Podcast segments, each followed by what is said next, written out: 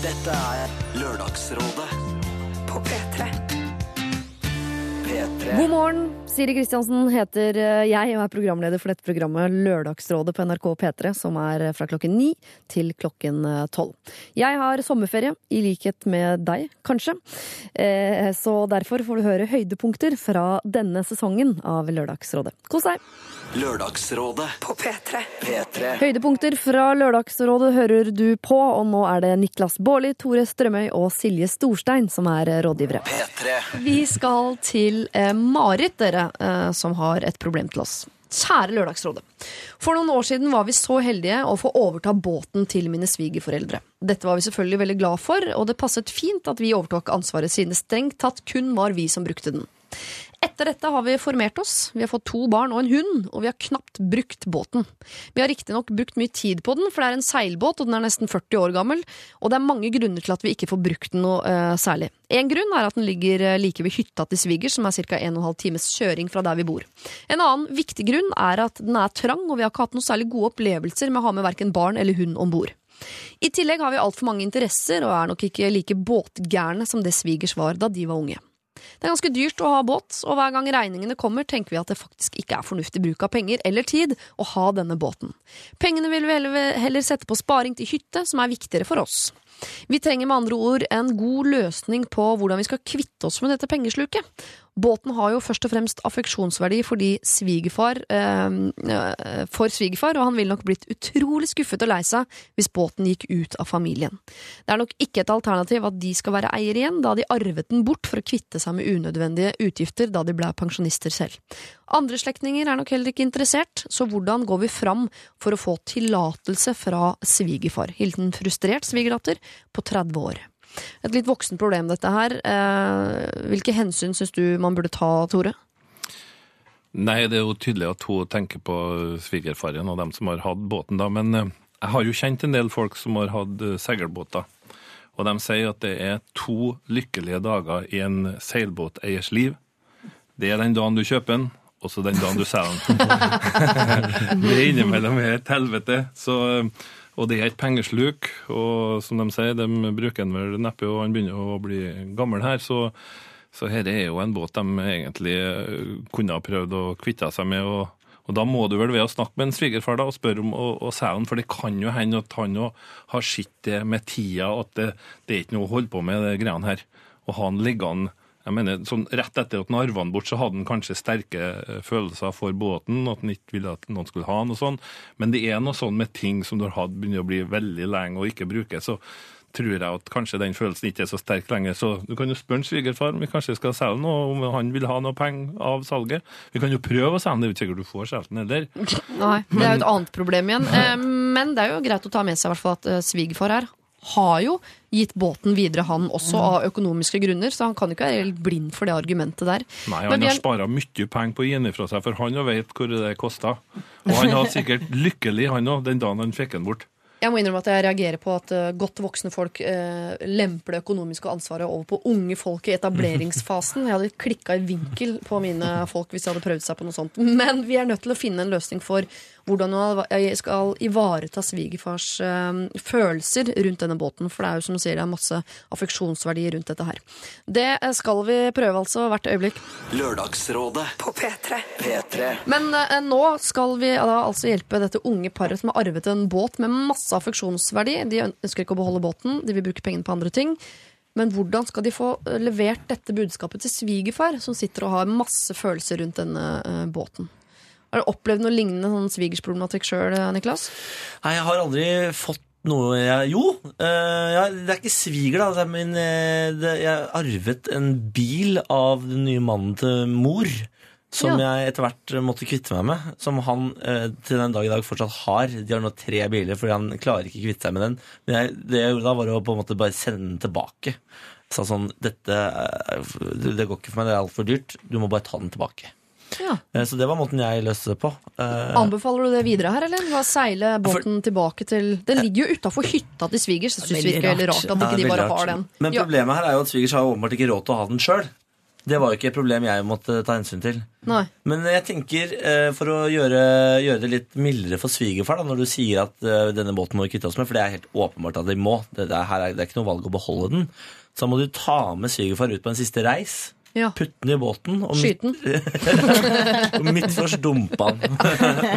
Eller bare si det litt sånn forsiktig. da Når de sitter ute på fjorden der, så kan de begynne å ta opp sånn Nei, du ser jo den er litt lekk foran der, eller den er, blir jo veldig dyrt å bytte ut den greiene der. Og, nei, det, det tror jeg ikke Vi tror faktisk vi må selge den. En annen idé er jo å se at båten begynner å bli såpass uh, shabby at du trenger penger til å reparere den. Og den eneste, du, den eneste som kan hjelpe oss og forstår oss, det er du, svigerfar.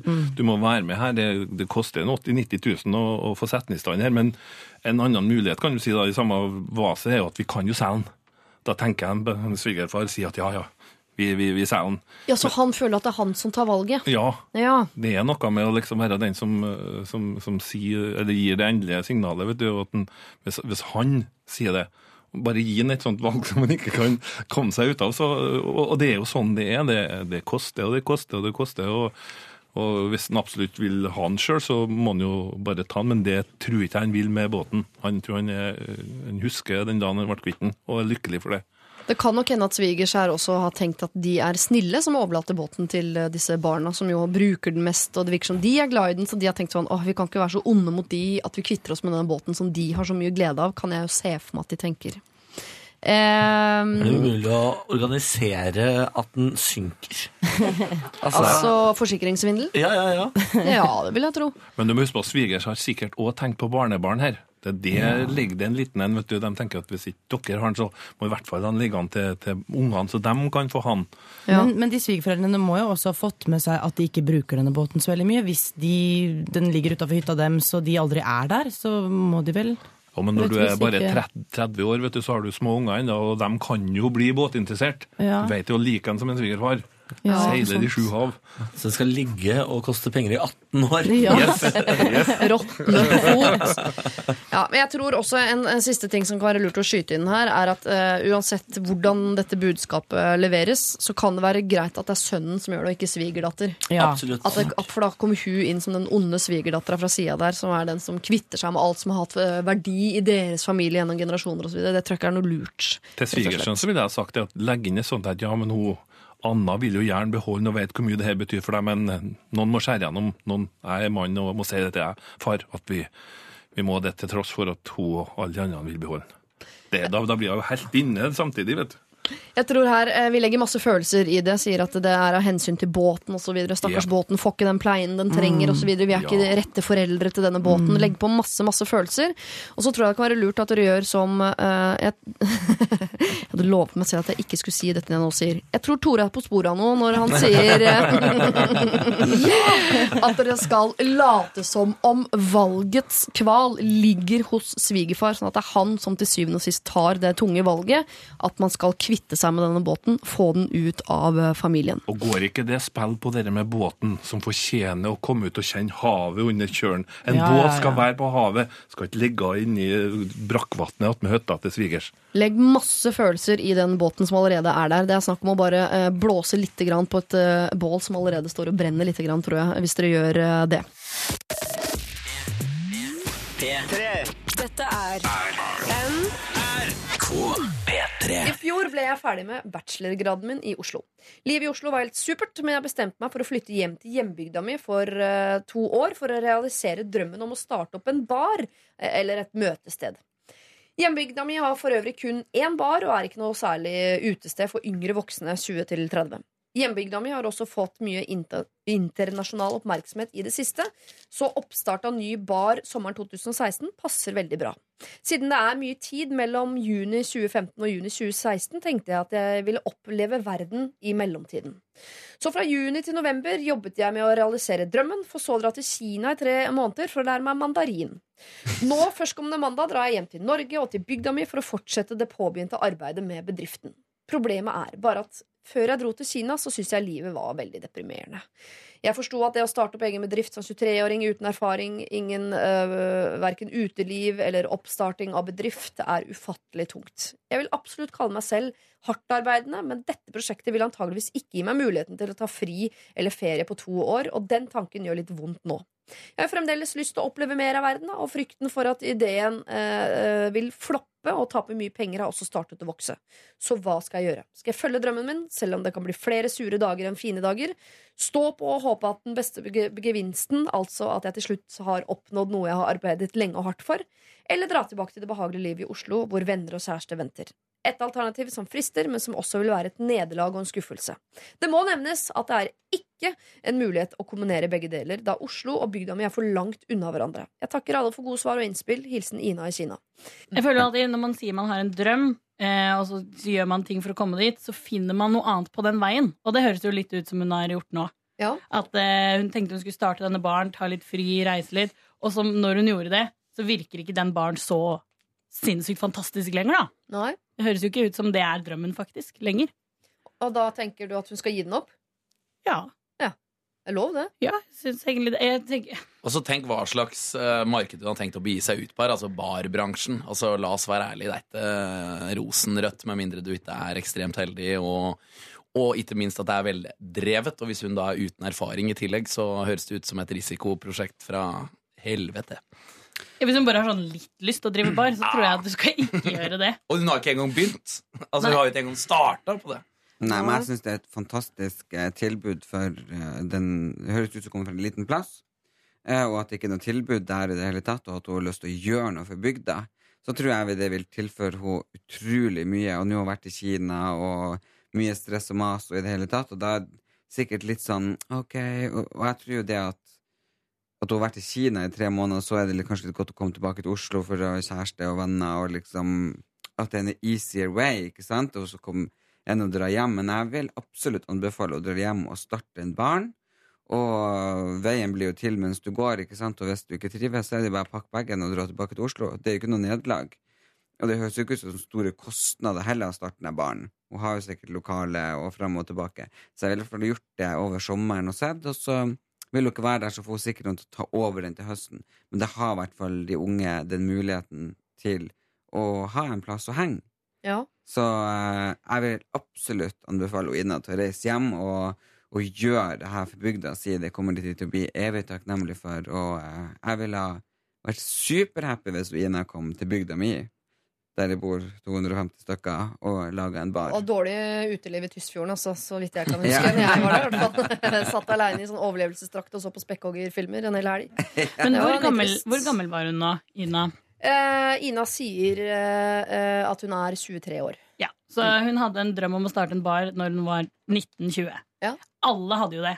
Jeg skulle i hvert fall åpne min egen bar. Eh, en ska-fusjon med punk, med konserter og quiz samtidig. Um, det ble Ja. jo ikke noe av det. Det er jo en følelse man kjenner seg igjen i. Jeg er jo også fra bygda og vet jo absolutt at det hadde vært superbra hvis jeg hadde fått klart å starte opp og begynt på noe, på noe nytt der. Absolutt. Men uh, til slutt da, på denne visa her, så må det være forsvarlig overfor deg sjøl òg, for det er deg sjøl du må leve med resterende av de åra. Så det må jo være en følelse som du veit at stemmer overens med altså, din egen lyst. da. Ja, det er veldig kult, og, og, og det er masse man kan gjøre for bygda si. Det er masse ting man kan bidra på som man kan arrangere uten at man skal måtte putte livet sitt i en bar for at Ja, det skal du kunne bli putter realisert. Det er jo ikke livet ditt i en bar, det er bare for en liten begrensa periode. Du kan jo være her tre måneder over sommeren og gjøre det, og så stikker du. Det er det jeg tenker liksom alle liksom sånn Å, gud, vil ikke gjøre det for resten av livet. Nei, nei. Herregud, jeg er foredragsholder, plutselig så er jeg stylist, og så er jeg makeupartist, og så er jeg radioreporter, og så Ikke sant? Jeg tenker at man må bare leve det livet man har, så absolutt stikk opp, lag den barn. Er det kjedelig, så stikk du derifra. Ja, for hun sier blant annet sånn sier hun Det vil antageligvis ikke gi meg muligheten til, å ta, til å ta fri eller ferie på to år. Og den tanken gjør litt vondt. Og det skjønner jeg når kjæresten din og venner er i Oslo og, så videre, og du er ung og, og du har nå fått smakt på det søte mandarinlivet i Kina osv. Klarer du å drive en bar i to år, så er du jo også helt rå. Altså, Hvor ofte er det en bar overlever i to år som nyoppstarta på et lite sted? Nei, det er To ikke så år! ofte. ba- Altså, da kan du bare henge opp bilde av deg selv på bygda og si at du var kongen. Da greide altså. du det. Ja, ja, da greide du det. Da kan du pensjonere deg tidlig og bare tenke at jeg rocka to år en bar på det bitte lille stedet der. Jeg er kongen av verden. Slutt å plage meg. hun har jo rett i at det ikke blir så mye fri. Det er hardt arbeid å drive en bar. Og Ja. sånn sett timingmessig er det jo bedre å gjøre det nå enn når du og den kjæresten din har blitt eh, 40 år gamle og har tre unger og, og migrene, liksom. Eh, Så er det bedre å gjøre det nå. Men ikke noe fri er vel å overdrive. Vi må jo, skal jo ikke gjøre det alene, hun må få folk til å jobbe der. Jo, jo, selvfølgelig. Men så er det jo det at flytta til Oslo, og så har hun bachelor. Jeg vet ikke hva bachelor er, men sikkert i, noe fra BI. Og da er det jo liksom eh, Får den jobben, ikke sant. Hun begynner med blå skjorte og blå bukse, og så da er det jo stuck. Ikke sant, Perlerød og langt hår. Ja. Da kommer hun aldri tilbake til den bygda. Så det er jo nå eller aldri. Og så tenker jeg tenk, Trenger du å tenke så langt fram som to år? Herregud, jeg vet jo ikke om jeg lever til sommeren engang. Ikke sant? Vi vet jo ikke hvor lenge vi er her. Vi må bare ta måned for måned og dag for dag. Tenk litt som hunder. Nå. Her lukter det godt. Vi går dit. Vi går dit. Ja. Jeg, her, hun må finne den følelsen i seg, altså. For det, hun veit. Hun sitter på svaret her sjøl. Hun veit om det er hjertet banker for bygda og den baren hun har planlagt å starte. Og hvis hjertet banker der, så må hun for guds skyld ikke stoppe den tankegangen. Da må hun være tøff og tørre å satse og ikke ta den enkle veien, for det er dritkjedelig, og du kommer til å angre et eller annet sted. Men hvis du allerede nå har begynt å tvile på den ideen med den baren din, så veit du som har reist til Kina og opplevd verden, at det finnes andre muligheter som du også kommer til å bli evig lykkelig av å gjennomføre. Thank you, Barack Obama. Henning for president.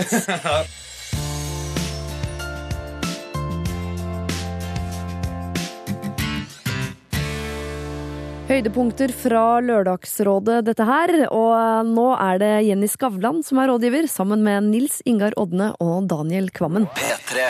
De siste månedene har jeg og en kollega flørtet heftig, både på jobb og privat via Snapchat. Dette har blitt et seksuelt forhold der vi møtes hjemme hos meg. Fra dag én har flørtinga og samtalene våre vært veldig overfladiske og gått mye på sex og utseende. Sivilstatus, forhold og om det vi driver med kan bli noe mer, har aldri vært et tema. Jeg er forholdsvis ny i jobben og vet relativt lite om henne privat. Jeg vet at hun har barn, noe vi har pratet om, og i det siste har jeg fått indikasjoner på at hun også har samboer. Selv er jeg singel og er egentlig ikke klar for et seriøst forhold. Men sexen er fantastisk, så tingenes tilstand er i grunn ypperlig. Friends with benefits, liksom. Det som plager meg, er hennes sivilstatus og utroskapen jeg muligens nå har blitt en del av. Dette er et tema jeg kvier meg for å ta opp med henne, siden det sannsynligvis fører til at, nå, eh, til at det vi har nå, blir ødelagt. Hun tar heller ikke noe initiativ til å diskutere dette selv. Etter hvert som vi har blitt bedre kjent, snakker vi mer om våre følelser for hverandre, og det er på det rene at vi liker hverandre godt. Et mulig seriøst forhold er derfor ikke så fjernt for meg som det var. Dette blir igjen et tema jeg kvier meg for å ta opp med henne av samme årsaker som nevnt ovenfor. Så ja, hva skal jeg gjøre, og gjør jeg egentlig noe galt? Bør jeg kutte henne ut før jeg blir følelsesmessig involvert? Erik. Noen som kjenner seg igjen? Nei, altså jeg er liksom bekymra for eh, at alle apper blir liggeapper. Eh, først hørte jeg at Tinder er sånn koselig sånn sjekkeapp. Det er bare liggeapp. Nei, det er knulling med Ja, GPS. det er knulling med GPS. Nå har Ja. Snapchat blitt en liggeapp. Ja. Skal liksom FaceSwap bli liggeapp, og alle appene mine blir liggeapper? Da har jeg jo ingen apper igjen. Nei, det er kjedelig for oss uh, Kjedelig for oss kjedelige, som også vil ha apper. Som er Ja, for oss. men nå er det jo en med barn og samboer som bruker Snapchat som liggeapp, så det er muligheter for uh... Hadde dere møttes over Snapchat? Nei, de jobber sammen. Men jeg Ja. tenker det kan jo ikke være så vanskelig å finne ut om hun faktisk har, et, uh, har en samboer eller en partner. Nei, det er ikke vanskelig. Han bare har ikke lyst til å starte den samtalen, for han er redd for å ødelegge tingenes tilstand. men- som Men det virker er som at han er, han er litt usikker på om hun Ja. har han, han sier han ikke vet om hun har kjæreste. Ja, men det det. Det må det vel gå an å finne ut på sosiale medier? Eller? Det finner du ut relativt raskt hvis du Ja. jobber sammen. Ja. ja, det burde være mulig å finne ut av. Det jeg er helt enig. Ja. Men det kan, han vil nok ikke vite, det, fordi han vil kose seg med tanken på at det han ikke driver med, er så jævla dirty som Ja, ja. du jo egentlig på en måte er, da. Å, ja, han er, er det, hvorfor ikke? Nei. Ja. Um, har dere, er det nulltoleranse her hos dere for denne typen uh, eskapader som hun driver med? da? Ja, Ja, fra hennes, eh, fra hennes perspektiv så burde hun jo absolutt ikke drive med det. Så statistisk sett her inne så tror vi ikke vi har å gjøre med et par der hvor han syns det er greit at hun driver og ligger rundt med folk uh, på jobben. Det vet Nei. man jo ikke, da. Nei. Nei. Men Det ingen- hvis dette er et forhold som uansett kommer til å gå dukken, og om det er at hun ligger med noen fra Snapchat eller hun møter noen på byen, så er det jo noen som kommer til å velte det lasset der hvis det skal veltes. Ja. Mm. Um, og da burde man selvfølgelig vente med å ligge med noen til man har gjort det slutt. Um, men det kan jo være at han her også syns dette er spennende fordi hun er egentlig litt opptatt, han er litt usikker på det, det er litt på jobben, må snike seg litt rundt, det er litt Snapchat, det er litt Ja. Det er mye spenning rundt det. Og hvis hun plutselig en dag sier sånn Nå har jeg forlatt uh, Geir, Uh, ungene er stukket på fjellet, nå satser vi på oss, så er det ikke sikkert det har vært like spennende. Nei, Mm. og det eh, høres ut som det kommer veldig brått på i så fall. eh, Ja. Hvis eh, samtalen går den veien der. Jeg føler jo at det er noe hun burde lufte på forhånd, i tilfelle, hvis hun har tenkt å si det. Det er veldig lett På sånne problemer som dette her, så er det veldig veldig lett at man begynner å gi råd til eh, henne. Hun som på Ja. en måte kanskje gjør noe galt, osv. Så, Ja. så skal vi prøve å huske at det er Erik som ber om råd her. Ja. Gjør han noe galt? Har han noe ansvar? Har han noe å tape eventuelt? Hva skal han gjøre? Alle disse tingene her er vi nødt til å klare å svare på. Lørdagsrådet på P3. P3. Har dere blitt noe klokere på um, hva Erik skal gjøre her? Erik driver jo og har et uh, forhold til en kvinnelig kollega på jobben som han er usikker på om uh, er et forhold eller ikke. Hun har et barn, det vet han, men de har aldri snakket noe om denne barnefaren. Er hun i et forhold, osv. Altså, nei. Ja, ja, men jeg bare, altså, har han noe ansvar for å finne ut av det, eller kan han bare fortsette å kose seg? Nei, jeg kan jo ikke bare fortsette å kose seg. Hvorfor Men, ikke? men hæ?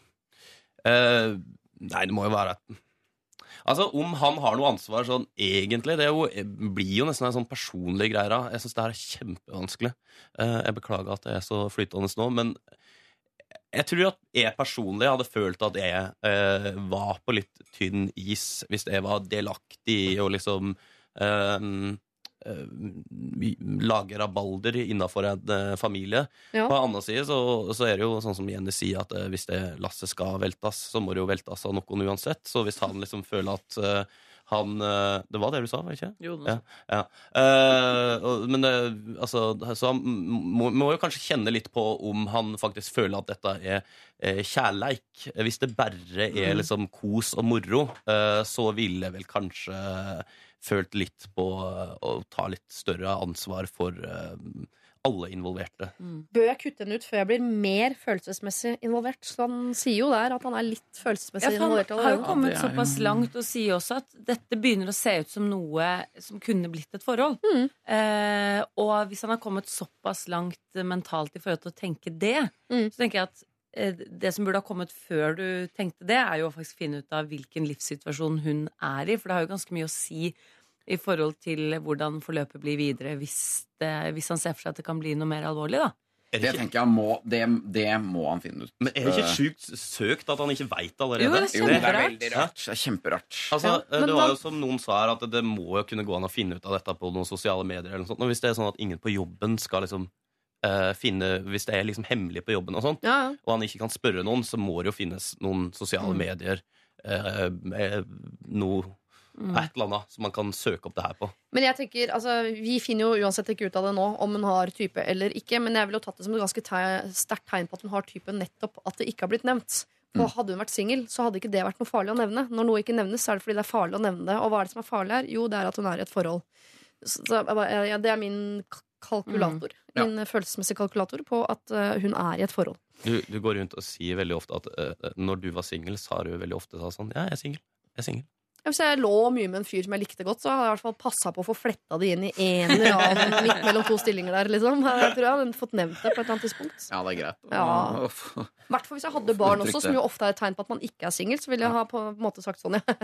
Det ser jo kanskje ut som Nå bruker jeg kroppsspråk som om eh, barnet er med i situasjonen. Det håper jeg ikke han er. Eller hun.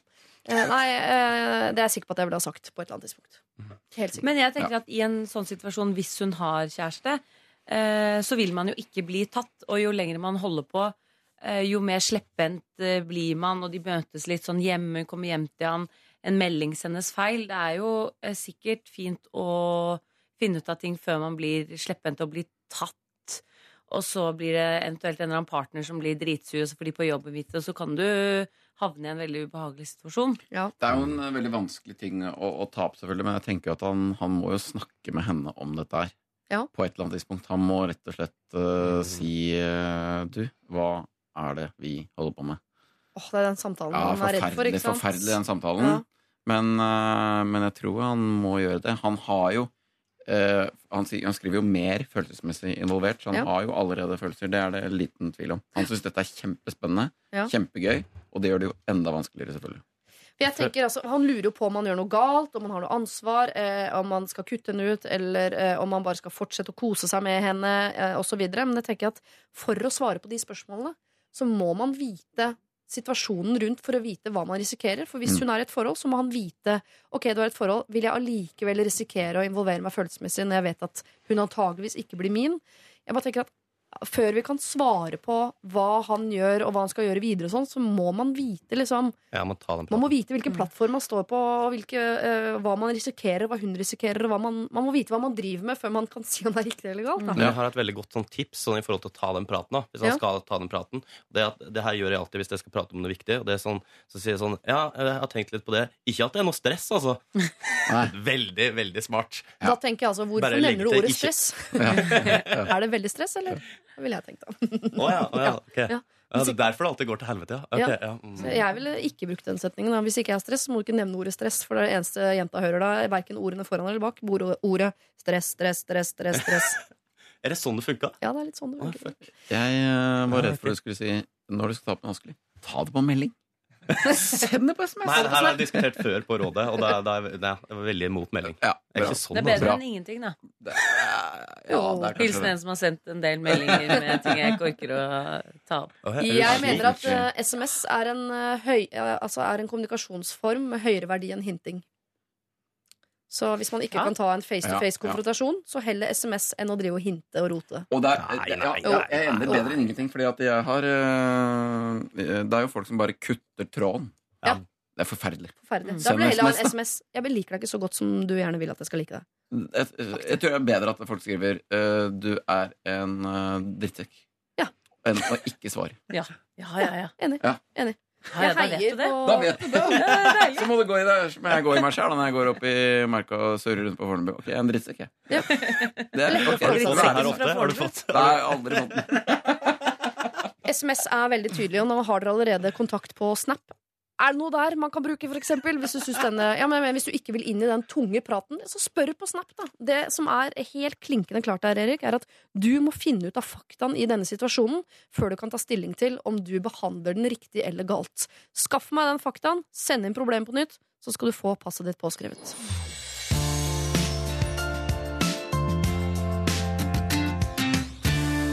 Du får høydepunkter fra Lørdagsrådet, og i dette problemet så hører vi Linnea Myhre, Torbjørn Røe Isaksen og Bård Tufte Johansen gi råd. Det er eh, altså en gjeng som har sendt inn et problem sammen. Oi. Vi har en venninne på 30 år som har sklidd mer og mer ut av vennegjengen. Hun jobber som klasseforstander på en barneskole, og i det siste har vi bemerket oss at hun har hatt unormalt mye kontakt privat med eh, tidligere elever som nå bare er 13 år. Hun snakker åpent om pizzabesøk, chilikvelder, og de hjelper henne med rydding, sjauing, flaskepanting, og uh, har altfor mye besøk, syns vi, da, av disse mindreårige. Vi har også fått med oss at de har tilgang på leiligheten hennes når hun for er på ferie eller borte. Så også er om dagen at hun har vennskapsgrad rødt hjerte på Snap. Det er ikke greit, eller? Ikke bare det, bakgrunnsbildet på mobilen hennes er også et bilde av to av disse guttene. Vi har alle prøvd å vise vår avsky og kommet med kommentarer som at dette kan du jo ikke drive med. Hun mener at hun ikke gjør noe galt og finner unnskyldninger. Vi mener dette har gått for langt og lurer på hva vi skal gjøre videre. Hva, jeg vet ikke, jeg Kan du bare rydde opp i vennskapsgrad rødt hjerte på Snap for dere som driver med det greiene der? Eh, jeg, tror det er, det er gans over altså, Bestevenner, eller den du sendte mest til over lang tid. Eh, så, mange, så mye som flere uker eller okay. måneder. Og den går automatisk, ikke sant? For, at jeg har, for det kommer ikke for at du legger noen til. Den går automatisk. Vi har noen sånne som bare Ja. Ok, Vi trenger ikke å dvele ved det Nei, tekniske ikke se på meg, men for jeg er ikke inne i det universet der. Så tror jeg Men- tipper jeg ikke du er heller, Bård. Hvor gamle er disse Er de 13 år? Eller for at de er tidligere elever som var 13 år da hun hadde dem, eller er de 13 år Nei, nå? hun jobber på barneskole, og nå er de 13 år, så de Ja. er jo på ungdomsskole. så vi, vi, vi kan jo slå fast uh, um, Det er ulovlig, det som skjer, hvis det skjer noe ø, Hvis det skjer det vi Hvis du gjør noe mer enn å rydde og sjaue Ja, flasker men og så hvis det ulovlige skjer For en fantastisk opplevelse for de gutta. Nei, opp. Grisegutt. Men det var ikke jeg som sa, det var det Torbjørn Isaksen som sa. Hviska inn i mikrofonen, og ikke meg. Så det syns jeg er for dårlig av deg som jobber med barn og ungdom. Men det er greit. Vi har notert det. Men eh, vi bare går eh, Vi ser bort ifra at det skjer noe mer enn pizzabesøk og chilikvelder og rydding av flasker og de greiene der. Det, vi bare eh, liksom godta at det er det eneste som skjer. For hvis det skjer noe mer, så er det ulovlig, og det er ikke Lørdagsrådet instansen å bruke. Da er det politiet. Men er det greit at en voksen dame har fått seg noen kompiser på 13 Nei, nei, år som bare spiser pizza og henger ut? Det er helt krise. Det Det er er så 30-årskrise at eh, jeg vet ikke hva jeg skal gjøre engang. en gang. Nei, det er så langt over streken at uh... Særlig det er flere. Hvis det har vært én, så hadde det vært mer naturlig at ok, du er en slags reservemamma, det er noen som trenger hjelp, et eller annet. Du blir for et vennskap. Det er hyggelig å være sammen noen ganger med sånne tenåringer, men ikke mange. Du er ikke Hæ, er ikke- 30 år og kompis med en 13-åring, Men er det liksom. ikke verre hvis altså For det første så er det jo uh, Det er jo noen ting som ikke blir altså Hvis det er sånn at bor de et annet sted, eller bor de i nabolag, eller den type ting, da. Ja. Men, eh, men hvis si eh, formelle spørsmålet hadde vært akkurat likt, men så var det sånn Min beste venninne er ingeniør. Ja. Eller hun er eh, eh, sykepleier. Og så var det noen 13 år gamle gutter. Altså, er det fordi hun er lærer dere tenker at det er så uakseptabelt? Eller er det Jo, fordi det hun er voksen og leve 30 år? Og det, da er det jo grunn Ja, tidligere elever, da. Ja. Og det, det, altså, de, har et, de har jo et syn på henne som de har ervervet seg ved at hun på en måte er en omsorgs- og maktperson i deres liv. Ja, og det er, noen, der det er er jo kanskje følelsesmessig. Det er noen lærere som knytter som hvis La oss si at man har fulgt disse barna fra første til sjette klasse. da Ja. Til de er eh, hvor gamle er det? Tolv, tolv, eller hva det er. Mm. Da, og da, er, da føler du at du kjenner dem veldig godt. Kan, du på en måte, la oss si at eh, det, det ikke sagt noe ulovlig, så er hun kanskje en person som knytter seg veldig til. Blir veldig glad i de hun har vært lærer for lenge. Dette er kanskje Ja. et kull som har fulgt i alle år, og de syns jo det er veldig stas å være hos henne. Og de har kanskje litt, trenger litt hjelp og litt problemer og ting å snakke om og sånn. Ja, men de bruker et ord de, de, de av, det var avsky, brukte ikke det? Jo. Ja. Og det er ganske sterkt ord. Ja. Så Men det vil de jo si at det, de, legger, de legger noe veldig i det. Men det er borte og rydder og sjauer og sånn, står det jo. Ja. Altså, det kan det hende at hun gir dem eh, penger Jo, for men det. altså, bare. Det mitt poeng er at hvis, hvis man bare bytter ut Altså Si dette hadde vært en gammel dame. Da. Altså, jeg kjenner eksempel sånn bestemora til kona mi. Mm. Hun hadde en, eh, en, eh, en fra bygda som var innom. eh, Og hjalp henne med forskjellige ting. Og han syntes det var så koselig å snakke med bestemora, så han ble sittende her, fikk kaffe og kaker og var liksom Ja. innom. Han var vel da sånn 16-17-18-19, og ingen som syntes det var noe rart. Det er kjempekoselig. Ja. Så det er fordi at hun er lærer, og fordi hun er 30. Altså Mitt poeng er at det, det kommer jo helt an på jeg synes det, er- det er etter, altså Hvis det skal være avskyelig eller noe man må ta avstand fra, så må det være noe de ikke skriver i e-posten. Jo, fordi jeg jeg er enig i det. Eh, Fordi, At de har et unormalt vennskap. At det er noen nabogutter som er innom og rydder litt, og så kommer inn på kjøkkenet og får noen kanelboller. Altså, men de det er ikke snapper med hverandre mange ganger hver eneste dag, og de har tilgang til leiligheten hennes. Ja, kan Nei, det- gjøre de det- med leiligheten Ja, det, det der snappen og leiligheten er litt rart. Hun har faktisk. bilde av de på, som bakgrunn på mobilen sin. Da er du litt for Ja, men det, ja, altså. det, er litt for- men det, det, det tyder nesten på at hun er, må jo være altså, hun, Da er hun prøver ikke å skjule det, i hvert fall. Altså, det er tegn på kanskje ikke det er noe alvorlig. Har liksom bakgrunnsspill, og er, de er topp gutter og har det så gøy med de. Og, Men da eh, de burde du da kunne stille det spørsmålet at ja, eh, altså, hva gjør Hva ville du sagt hvis vi sa det? Eller veit foreldrene det? Eh, Det er jo en veldig viktig Ja, del av det. Ja. Og eh, hadde du vært komfortabel med at vi sa det til foreldrene? Hvis hun hadde syntes det hadde vært grusomt, så er det jo et eller annet å, Ja. Ja, fordi når Det vi, når vi sier at poeng. La oss si at de bare har pizzabesøk og chili-kvelder og rydding og sjauing og sånn. Og når vi da syns at det er grisete, så er det fordi vi ikke tror på oss selv engang når vi sier at det er bare det de driver med. For, man ilegger, for det hadde jo ikke vært gærent. Det er bare at man sliter med å kjøpe det. Men når du, Torbjørn, da er, du er så opptatt av å gjøre om dette til eh, gamle damer og ingeniører osv. La oss si problemet hadde vært vi har en kompis som heter Tom. Han er 32 år og har to jenter på 13 år hjemme hos seg hele Ja. tida. De har pizzakvelder og chiligryte, og det er ikke Men måte på å snakke på synes- hit og dit. Så alle hadde jo kastet opp her inne. Altså, Jeg syns det hadde vært et problem eh, Altså Problemet hvis hun var læreren deres. Ja. Eh, og det kan hende er det et problem her hvis hun ikke skjønner forskjellen på at hun er voksen og de er barn. Men hvis det er sånn uh, sier man hadde Altså Jeg syns også faktisk det er noe sånn Det rykker litt i meg når de sier sånn ikke sant? Hvis det var en 32 år gammel mann hadde to 13 år gamle jenter hjemme hos seg hele tiden. Mm. Er, det, er vi virkelig der? Er vi virkelig der sånn at hvis du At du ikke, at du ikke kunne hatt liksom, noen som ryddet, at du kunne tatt liksom passet litt på noen i nabolaget uten at alle ville tenkt sånn eh, pedofili eller sexovergrep eller han gir dem vodka for å Altså, det er jo så innmari trist, da. Altså et normalt sånn forhold mellom Altså en normal relasjon mellom en, en, noen voksne og barn er jo ikke unaturlig, det. Og så, når, når det spøk til side, så tenker jeg at det er jo en gjeng. Det er, ma vi, det er mange, ikke sant? Det er flere. Ja. Og det tenker jeg bare at hun er litt sånn grenseløs i sin tilknytning og vennskap til disse tidligere elevene. Hun er mer en grenseløs vennskapsperson. For det, det, altså, det er noe Men det handler jo litt om å være profesjonell òg, da. Skal du drive og liksom og, og beva bevare vennskapet du har fått med alle på barneskolen, liksom? Det er enig. Det Ja, er da må du grenseløst. bygge på huset snart, for da, eh, det, dette er et Ja, eskalerende problem. på en måte Men jeg tenker at det er greit hvis, eh, hvis jeg som mor har en sønn som er ekstremt knytta til sin barneskolelærer, og, og vi imellom ble enige om at hvis dere vil ha kontakt Han er blitt veldig glad i deg. Hvis, så hvis dere vil fortsette å ha kontakt, så er det veldig hyggelig. Det er avlastende for oss, og du kan kanskje få hjelp med den boden din Ja. som ikke ser ut sånn. Kjempegreit. Det er bare noe med at en gjeng med 13-åringer har blitt en sånn vennegjeng med den gamle læreren sin. De er der og spiser pizza, det er chilikvelder, og de snapper og holder på. Det mener jeg, uansett om det er ulovlig eller ikke, og, og alt det der, så syns jeg det, det er noe der Men det er som det er jo ikke, skurrer det er jo litt. ikke ulovlig Altså, det, vi har jo etablert innledningsvis da. Det er jo ikke, det er jo ikke, uh, hvis det er noe ulovlig, så er det Det kan ikke vi diskutere. Da er det ulovlig og uakseptabelt. Men, uh, men jeg er ikke så sikker på om Altså, det kan være problematisk, men jeg syns det er litt voldsomt å si at ethvert sånt uh, det er derfor eh, ethvert sånt, sånn type relasjon nødvendigvis er problematisk. Nei. Altså, det kommer helt an på For hva slags ingen- rolle hun tar. Det er helt avgjørende det Linnea sier. da, Vet foreldrene om dette? Mm. Hvis hun sier sånn, nei, ikke fortell det til foreldrene, eller hvis de får en sånn slags hemmelig hule hvor de kan eh, holde på med 13 år gamle gutter-ting eh, under Mm. eh, altså, Og hun godtar det, så er det problematisk. Men eh, Foreldre i dag har veldig oversikt over hva barna gjør, da, så de, de vet det sikkert. ja. De er på foreldrene. Ja, ja. Men hva kan de som vennegjeng gjøre her, da? For de er jo eh, de er bekymret for venninnen sin, som foretrekker å eh, spise chili med 13-åringer framfor å henge med dem. De begår seg sjøl, ja. De har uh, det, Dette burde ta det dere personlig. Ja, er det?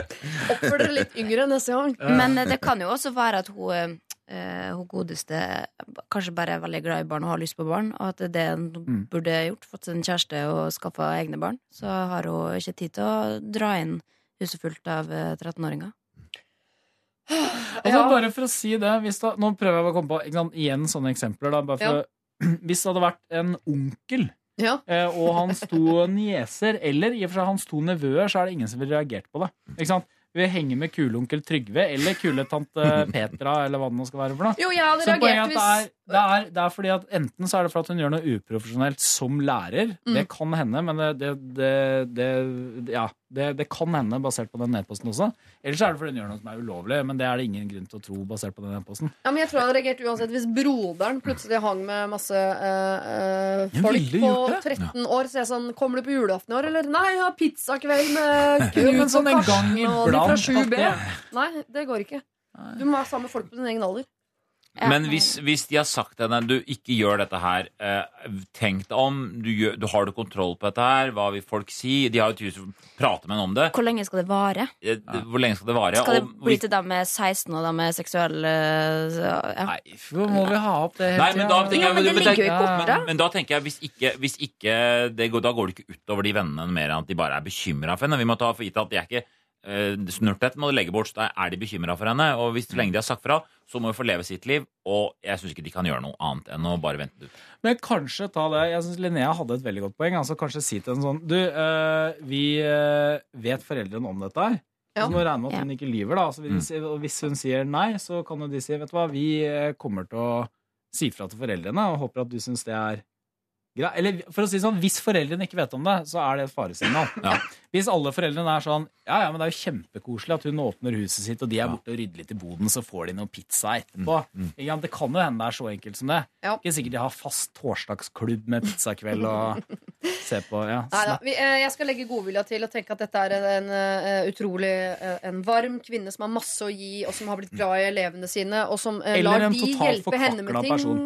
Jo da, men nå, nå skal jeg legge godviljen til. Og hun foretrekker å være sammen med de. Hun har, merker, jeg har ressurser, jeg har eh, tid og rom til å ta vare på disse elevene som jeg har fulgt nå i seks år. De hjelper meg eh, med ting som ikke jeg gidder sjøl, sjauing og sånn.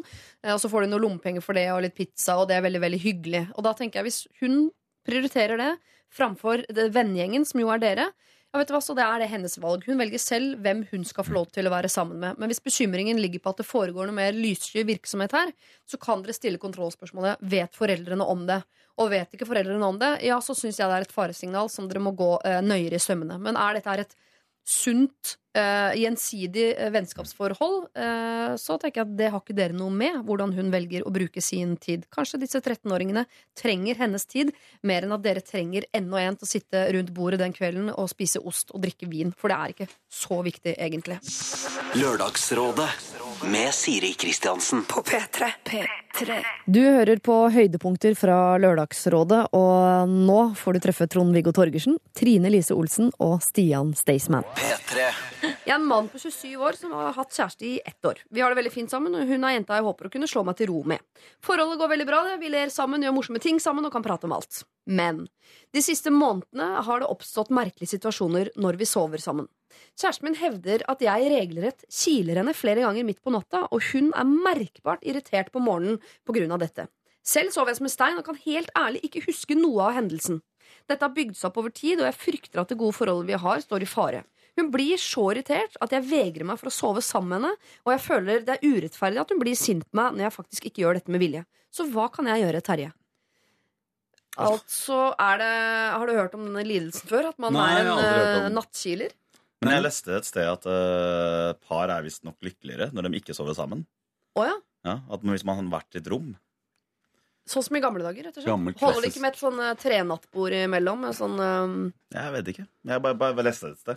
Og da har man liksom fått litt spenning, for at da kommer liksom mannen bøtt snikende inn på natta. Altså, Og kiler. Ja, eller kiler. Ja. Nei, det er ikke lov. Jo, kanskje man bevarer den datinggreia litt lenger, for man må faktisk drive og besøke hverandre på natta når det Ja. passer seg. Men de nettene hvor, man, hvor det ikke er liksom rom for besøk, eh, så kan man sove. Ja. De sover bedre og er lykkeligere. Det var en sånn undersøkelse. Jeg leste det sikkert i, på side tre eller noe sånt. Nå. Ja, eller forsida på VG. Altså. Ja, ja. Det er klassisk eh, det er VG-forside. også jeg, jeg tror sånne kongelige eh, steder så er det veldig vanlig at ikke altså, Jeg tror ikke Elisabeth 2. sover på samme rom som mannen sin. Jeg tror de har hver sin fløy. Jeg tror ikke du må så langt tilbake. Jeg tror du kan si Sonja og Harald. Jeg ser ikke for meg at de ligger i skje i 1,80-madrass. altså, skje er jo kjempeirriterende etter en stund også. Da. Det er, jeg syns det er veldig ekkelt å ha eh, kona mi sånn helt oppi meg når vi skal sove. Da er det ferdig. Kose hver for seg. Ja. For det der å ligge helt oppi hverandre, det syns jeg er noe gøy. Jeg vet ikke om jeg har- er blitt så voksen og gammel at jeg Nei, tenker nå er jeg ferdig med det. Det, kan er være, det er deilig jeg. Ja.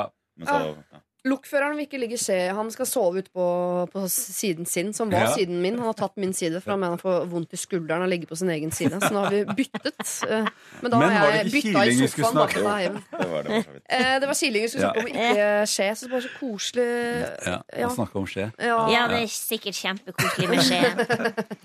Jeg liker best frontalskje, hvis det er noe som heter det. Eh, Men Terje Lilleskje, er det ikke det? Ja, Hva heter det om man ligger med ansiktet Jeg gjør ikke det med kjæresten min, men med datteren min. Hun, ligger, hun puster hun, Vi ligger så nærme at hun puster meg inn i munnen. Å, så har jeg fått angst. Med nesetipp mot Mm. nesetipp. Mm. Og ligger vi og holder rundt hverandre som to koalabjørner. så Sånn som er hverandres trestamme. Ja, det er eh, veldig, veldig koselig. Jeg kommer aldri til å slutte med det. Aldri, sier jeg! Aldri. Men dere, la oss snakke om Terje. Han vil nok eh, sove sammen med kjæresten sin. Ja. Eh, for de har bare vært sammen et år. Så å foreslå delt forskjellige soverom eller et lite nattbord imellom og sånn, det er innovativt, men jeg vet ikke om det er det Terje vil. Er det noen annen måte å, uh, bortsett fra sånn uh, binde sine egne hender og Jeg si det. Men det går ikke an. Hvorfor, opp, hva, hva er det, hvorfor oppstår dette? Og har hun Jeg skjønner at hun er sint. Man kan jo bli sint fordi man drømmer ting. Men Mm. er det noen måte å få til sånn at de kan våkne sammen på, og at det er litt sånn hyggelig? Men denne kilingen, for, at for meg i hodet mitt er kiling at man gjør noe veldig aktivt. Man må liksom da prøve at kiling skal føre til noen ting. Enten at noen blir kilt, Ja. Og dermed reagerer. Så jeg kan ikke forestille meg meningen med å kile i søvne. Nei. eh, For da har man ikke noe kontakt når man sover likevel. Men det å komme borti noen og ta på noen når du sover, det kan jeg skjønne mer. Og at hun oppfatter det som kiling. Altså hvis hun er sånn ekstremt ikke, ah, nå, 'Nå var jeg akkurat i ferd med å sove', så kom du og, og med den der hånden din liksom 'Ja, men jeg ville bare ta på deg.' Ja, nei, nei, nei. At hun føler det som kiling, men at Ja. han bare liksom søker etter henne på en eller annen måte. At det er ikke å kile. Eller at han ligger veldig bevis. urolig, bare? Bevis, Ja, jeg hadde filma? Jeg hadde filmet meg sjøl sove og bare Er det en grunn til at hun er så jævla sur hver morgen? Sånn hadde det vært.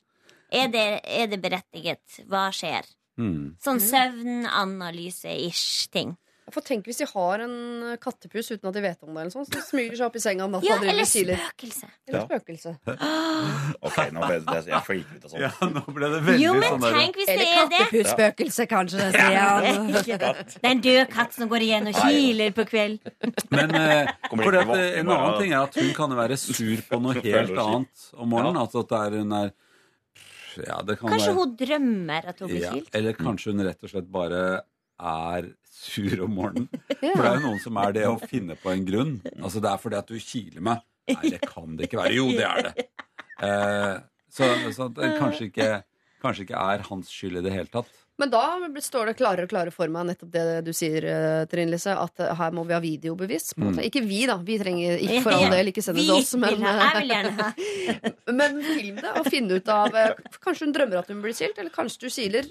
Og jeg ser ikke for meg, Er det, ja, er det komme borti, eller er det faktisk han som går rett inn og blir pappaen til Stian Staysman? Så er han, Gjør det i søvne, da er du trygg. For da er det, det er noe ordentlig morsomt å finne ut av hvis Terje blir pappaen til Stian eh, Staysman om natta og driver og kiler. Det er kjemperart. Men er han en kiler på dagtid? Det kan ikke være en bare nattkiler. Det er noe sånn ny, ny ting. Ja, hvis du The er sånn zombie tickler. Ja. Ja, Ja, det var, det var en rar ny ting. Enig. Men, og du har ikke hørt om det som, eh, i Nei, dine aldri hørt om. 40 år som lege Nei. heller?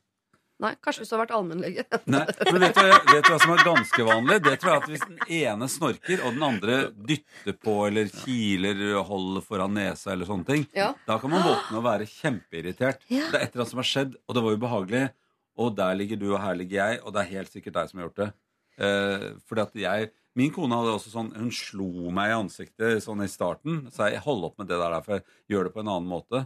Hvis Ja. jeg snorker, bare dytt forsiktig. Og så gjør, nå bare hun bru- gjør en sånne forsiktige ting som jeg forteller meg om morgenen. At nå dyttet jeg ut. Jeg syns jeg lå så veldig ut på kanten. Liksom. Så, eh, så hun har sånne triks da, hvis jeg snorker. Så kanskje det er det. At han, han reagerer på et eller annet som hun gjør, eller hun reagerer på noe han gjør. Som ikke er, kanskje ikke er aktiv kiling.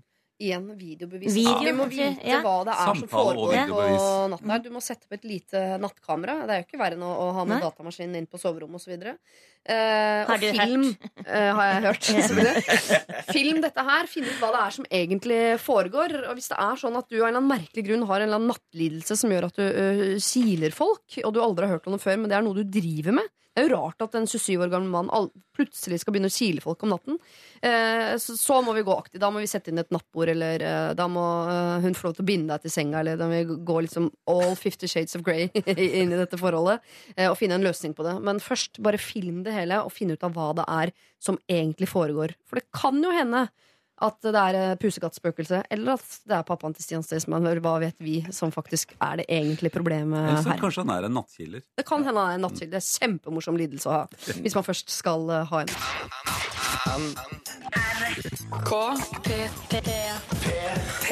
Du hører på høydepunkter fra Lørdagsrådet, og nå er det Else Kåss Furuseth, Hasse Hope og Håvard Lilleheie som er eh, rådgivertrio. Kjære Lørdagsrådet. I fjor sommer flyttet jeg inn sammen med et vennepar. Etter flere måneder på leilighetsjakt fant vi endelig drømmeleiligheten. Mannen i huset, la oss kalle han Ola, har siden eh, vi flyttet inn nevnt at han ønsker seg en liten godstol i det ene hjørnet av stua vår. Ved siden av den nokså store hjørnesofaen som står der fra før. Jeg har tenkt midt om den saken, da stua vår ikke er så altfor stor.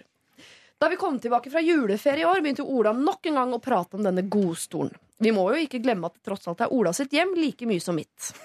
Her en dag var jeg og Ola rundt i diverse møbelbutikker og kikket litt. Plutselig kom han over en lenestol som virkelig oppfylte alle hans krav, og vel så det. Men den ble rett og slett for dyr for en students lommebok. Ganske nøyaktig tre minutter etter at vi hadde kommet inn døren hjemme, så finner vi en annonse på nett hvor akkurat den samme stolen vi nettopp var kikket på, bare en annen farge, skulle gis bort gratis! Og enda bedre, den befant seg kun fire minutter borte i gata. Oi, oi, oi. Men to be, altså. En rask telefonsamtale senere var Ola på vei for å hente det som raskt skulle vise seg å bli hans nye bestevenn, skråstrek kjæreste, skråstrek sjelevenn. Stolen viste seg å være større enn først antatt til vår stue. Så ikke nok med at den skjuler hele stuehjørnet, og ruver, så ruver den også foran peisen vi har. Så når vi nå fyrer i peisen, ser vi kun en stor lenestol. Jeg prøver å svelge det faktum at stuen nærmest ble ødelagt av det nyeste tilskudd, men det er ikke bare lett. Men verre er det at siden den dagen stolen flyttet inn, så har ikke Ola vært utenfor døra. Han er så fornøyd med fangsten at han praktisk talt har flyttet inn i denne stolen og sitter der natt og dag. Han sover der, han spiser der, han gjør lekser der, han jobber der, you name it. Han har rett og slett grodd fast, og jeg blir gal av det. Det er aldri lenger mulig å ta med seg venner hjem i håp om å kanskje få stua for seg selv en kveld, for Ola er jo fortsatt limt i den stolen, da. Verst av alt er kanskje alt rotet som hoper seg opp ved at han gjør alt i denne stolen, og ikke kan jeg fyre i peisen lenger heller, fordi stolen jo blokkerer for alt. Blir det for drøyt av meg å si fra om at han må komme seg litt opp av denne stolen? Det er jo Ola sitt hjem også, Åsne.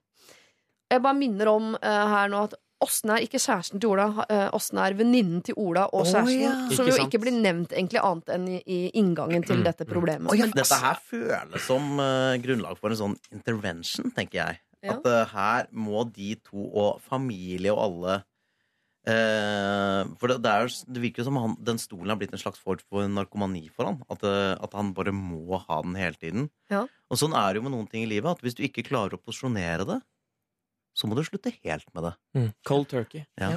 Mm. Men uh, samtidig må jeg si, og det er kanskje du er enig med meg, Håvard, at uh, vi gutta er glad i godstolene våre! Fytte rakkeren! Som vi elsker det! Ja. Altså, ene hånda har du fjernkontrollen, andre har du pose potetchips. Mm. Se på Kampen på TV, fise litt. Det er Du vet, Jeg er så redd for å si de tinga, for jeg er så redd for å være liksom manshow-Håvard for alltid. Oh, ja, nei, nå kan jeg ta den rollen, rollen. Ja, ja. ja. Ja. Manshow-Hasse. Ja. Men det er jo vel et todelt problem her. Det ene er interiørmessig, og det andre er er denne stolen et symbol på at Ola mangler noe annet i livet. Mm. At det er en trygghet. Så interiørmessig er jo, kan man jo løse ganske lett og si sånn du, er det, Kan han flytte den stolen inn på rommet sitt? Det er jo ofte litt Eller deres rom. Ja, da blir det jo Det er jo veldig spesielt kanskje ha en dobbeltseng og en god stol. Eller kanskje et drømmehjem. Eh, inn på rommet. Eller så er det jo også bare sette seg ned med han og prøve å snakke seg gjennom hva denne stolen betyr for han da. Så kanskje han ser seg selv utenfra. Jeg så for meg så veldig han Ola i Når du leste opp. Det er ikke alltid jeg klarer å å klare sånn empatisk sett sette meg inn i alle, men han, han fyren her så jeg veldig sånn for meg. Ja. Som Men du falt pladask for Ola, du, her, egentlig. Han er jo en veldig sånn du, Lilleheie er jo Ola. Ola er, jo, Ola er en goding. Han er glad i joggebuksa, han er glad i komfort. eh, han er ikke overfladisk, tror jeg. Eh, han eh, liker ekte ting. Eh, og, og akkurat når det kommer til det interiørmessige Nå, nå bytter jeg, nå hopper jeg. Ja. Eh, Nå er du Åsne litt. ja, Så, så nå kan jeg bli litt manshow-Håvard igjen. Ja. Eh, akkurat når det Med mindre du er veldig interiøropptatt som mann, ekstremt interiøropptatt som mann, Mm. så må du føye deg interiørmessig er når du bor med en kvinne. Det mener jeg òg. Eh, at det er bare sånn Ja, ja, du, hvis, hvis det er det du trenger, så eh, Og det er fordi at, eh, at, at kvinner generelt sett, da, de er de er ofte avhengig av å ha en høyere grad av fornøydhet for å føle at livet er levelig. Altså, menn de, de tåler terningkast tre-fire på det meste og tenker at det funker, det, liksom. Mens kvinner de må være oppe og lukte på femmeren mye for å føle at de ikke skal dø. Mm. Eh, så, så derfor så tror jeg at det for, for fellesskapets vel Fint resonnement du har Manshow, Håvard. Tydelig, tydelig. Ja, men jeg fikk så sjøltillit av Hasse. Jeg, jeg, jeg, jeg, jeg merker det. merker det. Det var det siste du trengte. Nå Siste du kjører, trengte. nå kjører jeg på. Men dere Ja, men det er noe sant i det, Else! Ja, ja, Kom igjen, da! men, Men altså, man trenger ikke er gjøre det for manne- og kvinnegreie. Hvis det er en i hjemmet som er interiøropptatt, så bør de som ikke er så interiøropptatt, på en måte egentlig godta at her er det en som har mer peiling enn oss. Men Vi folk, føyer oss. folk som er interiøropptatt, kan beklageligvis også noe være ekstremt irriterende. Hvis den stolen er ikke sykt god. Det er så mye moderne møbler som ikke er gode nok å sitte i. Ja. Altså, Ja. De godeste stolene er ikke nødvendigvis de fineste stolene. Men det er jo bare å trekke den om. Det er problem Nei, det er ikke det, altså. Jo. Nei. Nei, nei, nei. Noe Det er så- fløyel eller Det er som et lite fløyel. Oi, oi, oi? Nå ser vi bilde av stolen Er, her nå. er det denne stolen? Ja, det ligger, det ligger bilder av denne stolen nå på Facebook. Ah, den er den, er ganske stygg, stor. stor. er stygg og Den er god. Den er ganske stygg, ja. Jeg syns den var ganske fin. Ja. Men jeg tror det er en er eh, Jeg tror det er den stolen som eh, følger Altså hører til uh, ah, det er recliner! Ja, det er Ikea. Ja. Jeg er ganske sikker på at Men den er er den 80 år, eller? Men den er god, da. Den er veldig god. Er veldig Men jeg, det er et problem her som er litt sånn underkommunisert i den uh, mailen her. Og det er jo at Åsne bor sammen med et par. Så hvor mye kan hun drive Kan hun eh, kanskje, muligens siden vi bare, egentlig bare snakker om en stol her, kanskje Mm. på en måte, kan hun snakke med kjæresten til Ola om dette sammen? Eller er, ikke, er det på en måte Er det et illojalt grep? Og hvor lenge at, og hvor mye kan hun blande seg inn i det kjæresteforholdet? på en måte? Mm. For det i seg selv, altså hvis ikke hun tar opp den stolen, så tror jeg det begynner å irritere seg over mange ting. Siden hun bor sammen med et par, da. Ja, for Jeg også reagerer på at det er eh, tredjepart her som er den som er mest irritert over at Ola sitter i en stol hele tiden. Ja, hvor- Eh, hvis vi legger det er interiørgreiene Ja, hvis hun- seg? Hvis jeg ikke syns det er irriterende at min kjæreste gjør noe hele tiden, så tenker jeg det er veldig rart at en venninne kommer inn og irriterer seg over noe min kjæreste gjør. Altså Nå bor ikke jeg med noen av venninnene mine, eh, i hvert fall ikke foreløpig. Jeg tror ikke det å skje heller. Eh, Men jeg bare, jeg, hvis, ikke, hvis ikke det irriterer kjæresten, jeg bare lurer på hva Hvis ikke det er interiøret, hva er det Åsne irriterer seg så innmari over ved at han sitter i en stol hele tiden? Hvorfor er det irriterende? Det er jo, men det, hvis det kommer litt hvis, Hvis du bor sammen med folk, så irriterer du deg jo alltid over dem. Uansett om du ligger med dem eller ikke. Altså det, det, ligger jo i, det er jo kollektivets svøpe. Eh, at idet du bor sammen med en gruppe mennesker, så, så er jo Men jeg har jo ofte vært han irriterende i kollektiv, sånn at jeg på en eller annen måte Jeg har bare sett andre andres hat rettet mot meg. Eh, men men, uh, og Men nå har det- du blitt konfrontert på en måte som har gjort at du har slutta med de irriterende tingene dine. ja, ja, ja, jeg har jo fått unge og sånn, nå er du nødt til å ta det sammen. Men uh, det jeg tenker da, med oss nå Altså, en litt annen vri på dette her. Ja. Åsne, hvor lenge skal du bo sammen med et par? De er studenter, da. Hun drømmeleiligheten. Ja. Og det er en veldig fin leilighet. Husker du pizzaen? Det var helt rått? Ja, de var, de var veldig pene, da. Ja. Det er sikkert Olav, det. Ja. Men, men hva med Hvis vi går litt tilbake her, det som Håvard foreslo, var jo en intervention, som jeg syns egentlig er en veldig god idé. Men med Og det er jo- familie og greier? Nei, bare jeg tenker kall det på en måte en gathering, en sammenkomst. The Gathering. Ja, The Gathering, på en måte. Ja. Perfekt stol for The Gathering, forresten. Det er det jo. Det er jo en nydelig landpartystol. Du kan jo bo der i et halvt år og bare leve. PC-en i fanget og en men urge i hånda, Jeg har jo bodd en god del alene og fått veldig merkelig interiørsmak. Og noen ganger når jeg får besøk da, eh, så får jeg eh, tilsnakk. Blant annet har jeg fått deg, sier Kristiansen. Bor du sånn her, for eksempel? Har du sagt til meg noen ganger. Er det sånn du vil ha Hvorfor det? gjør du det? Nei, men det er veldig nydelig. For en, I en periode så hadde jeg et telt på soverommet. Og jeg sa jeg skal ikke ha klesskap, jeg skal ha klærne mine i et telt. Mm. Så du kan bare gå og hoppe inn i teltet og hente ut hva jeg skal ha på meg. Sånn vil jeg leve. Og da sa, eh, kom Siri på besøk, og så sa hun har du begynt med narkotika?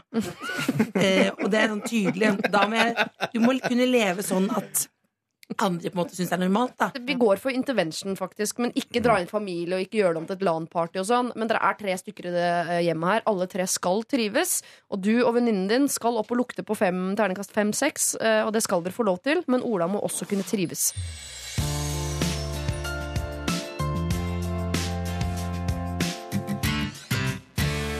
Du hører på Lørdagsrådet, høydepunkter derfra. Og nå er det Linnea Myhre, Ken Vasenius Nilsen og Mats Eldøen som er eh, rådgivere.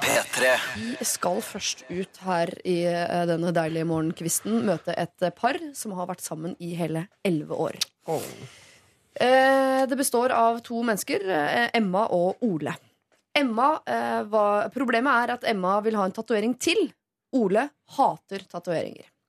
Emma var verken fan eller ikke fan av tatoveringer før, men for et år siden fikk hun øynene opp for kroppskunsten og skaffa seg en litt original tatovering på underarmen. Det var navnet til barna. Litt senere sendte hun kallet igjen og fikk en ganske stor og fin, ifølge Ella- Emma, og tolererbar, ifølge Ole, fugl på den andre underarmen. Og nå melder behovet seg igjen, og hun, Emma, vil gjerne pynte seg enda mer. Men Ole blir avvisende og unnvikende når Emma snakker om dette. Ole sier at han aldri har likt tatoveringer. Han skjønner ikke poenget med tatoveringer. Hva vil de uttrykke? Hva skal de symbolisere? Eh, hvem skal man uttrykke seg til? Han kan ikke skjønne hva som er så fascinerende med en mer eller mindre vellykket fargeklatt på kroppen. Han sier han eh, har, at han har til gode å se en tatovering som blir eh, like bra på huden som den er på papir. Da alt blir blassere og feilproporsjonert. Ok, Han er skeptisk til tatoveringer, denne mannen. ikke sant? Eh, det blir ikke akkurat noe Mona Lisa-kvalitet på kunststykket i eh, da hermetegn.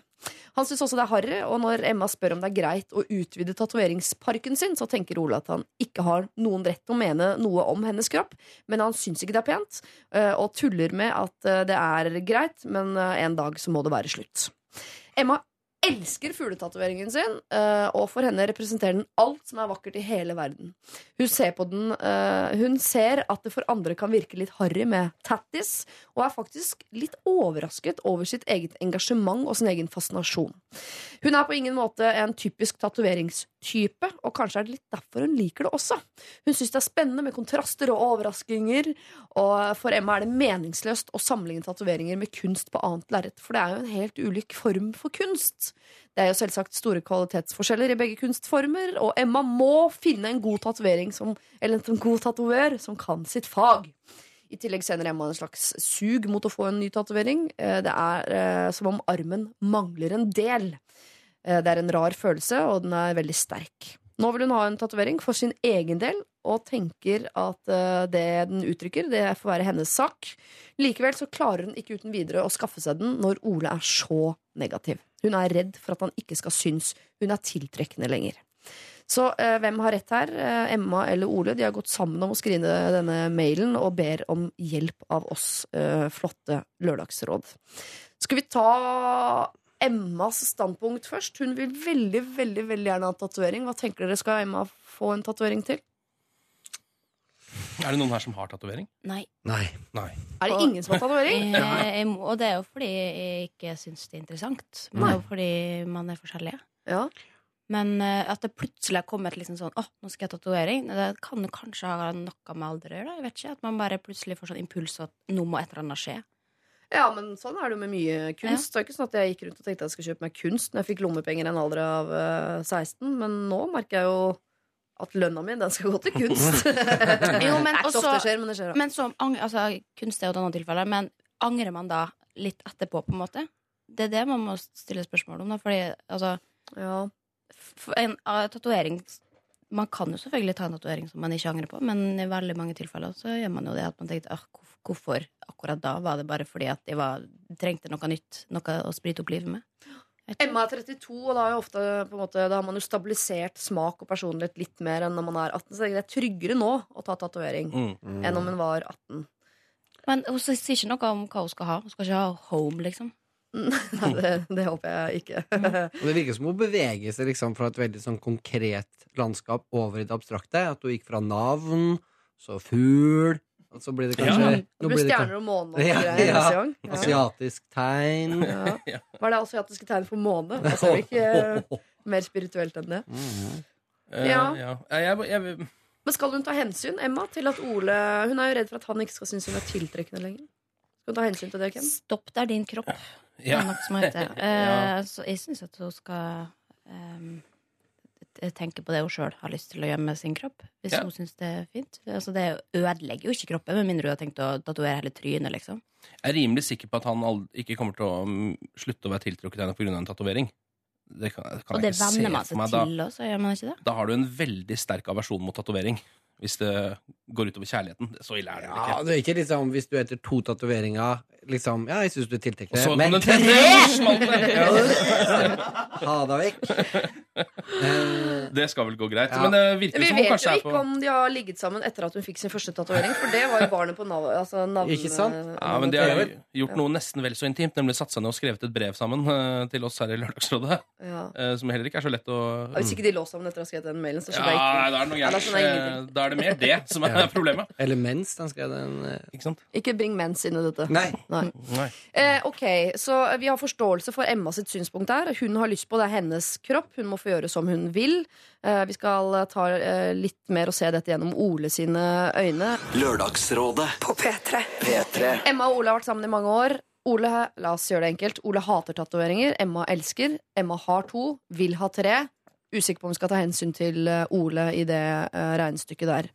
Eh, Linnea Myhre mener at eh, din kropp er din egen kropp. Du får ta dine egne valg. Eh, Ken Vasenius Nilsen, du applauderte vel det på en eller annen måte. Mm.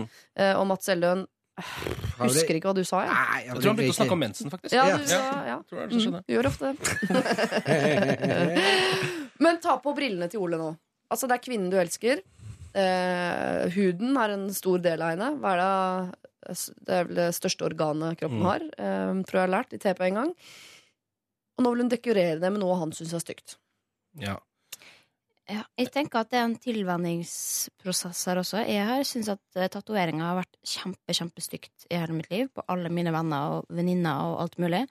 Og nå syns jeg at det, liksom, det sier noe om dem, og at det, at det er litt fint likevel. da At Mm. det har en eller annen historie. Men det er klart at det finnes jo mange av dem som bare skal mer og mer og mer, og mer og til slutt Mm, ja. har du på en måte Ja, for at du blir en eller annen altså, Samme som hvis du tar for mye Restylane i leppene, liksom, så blir du blind på det til slutt, og så ser det ut som ei and.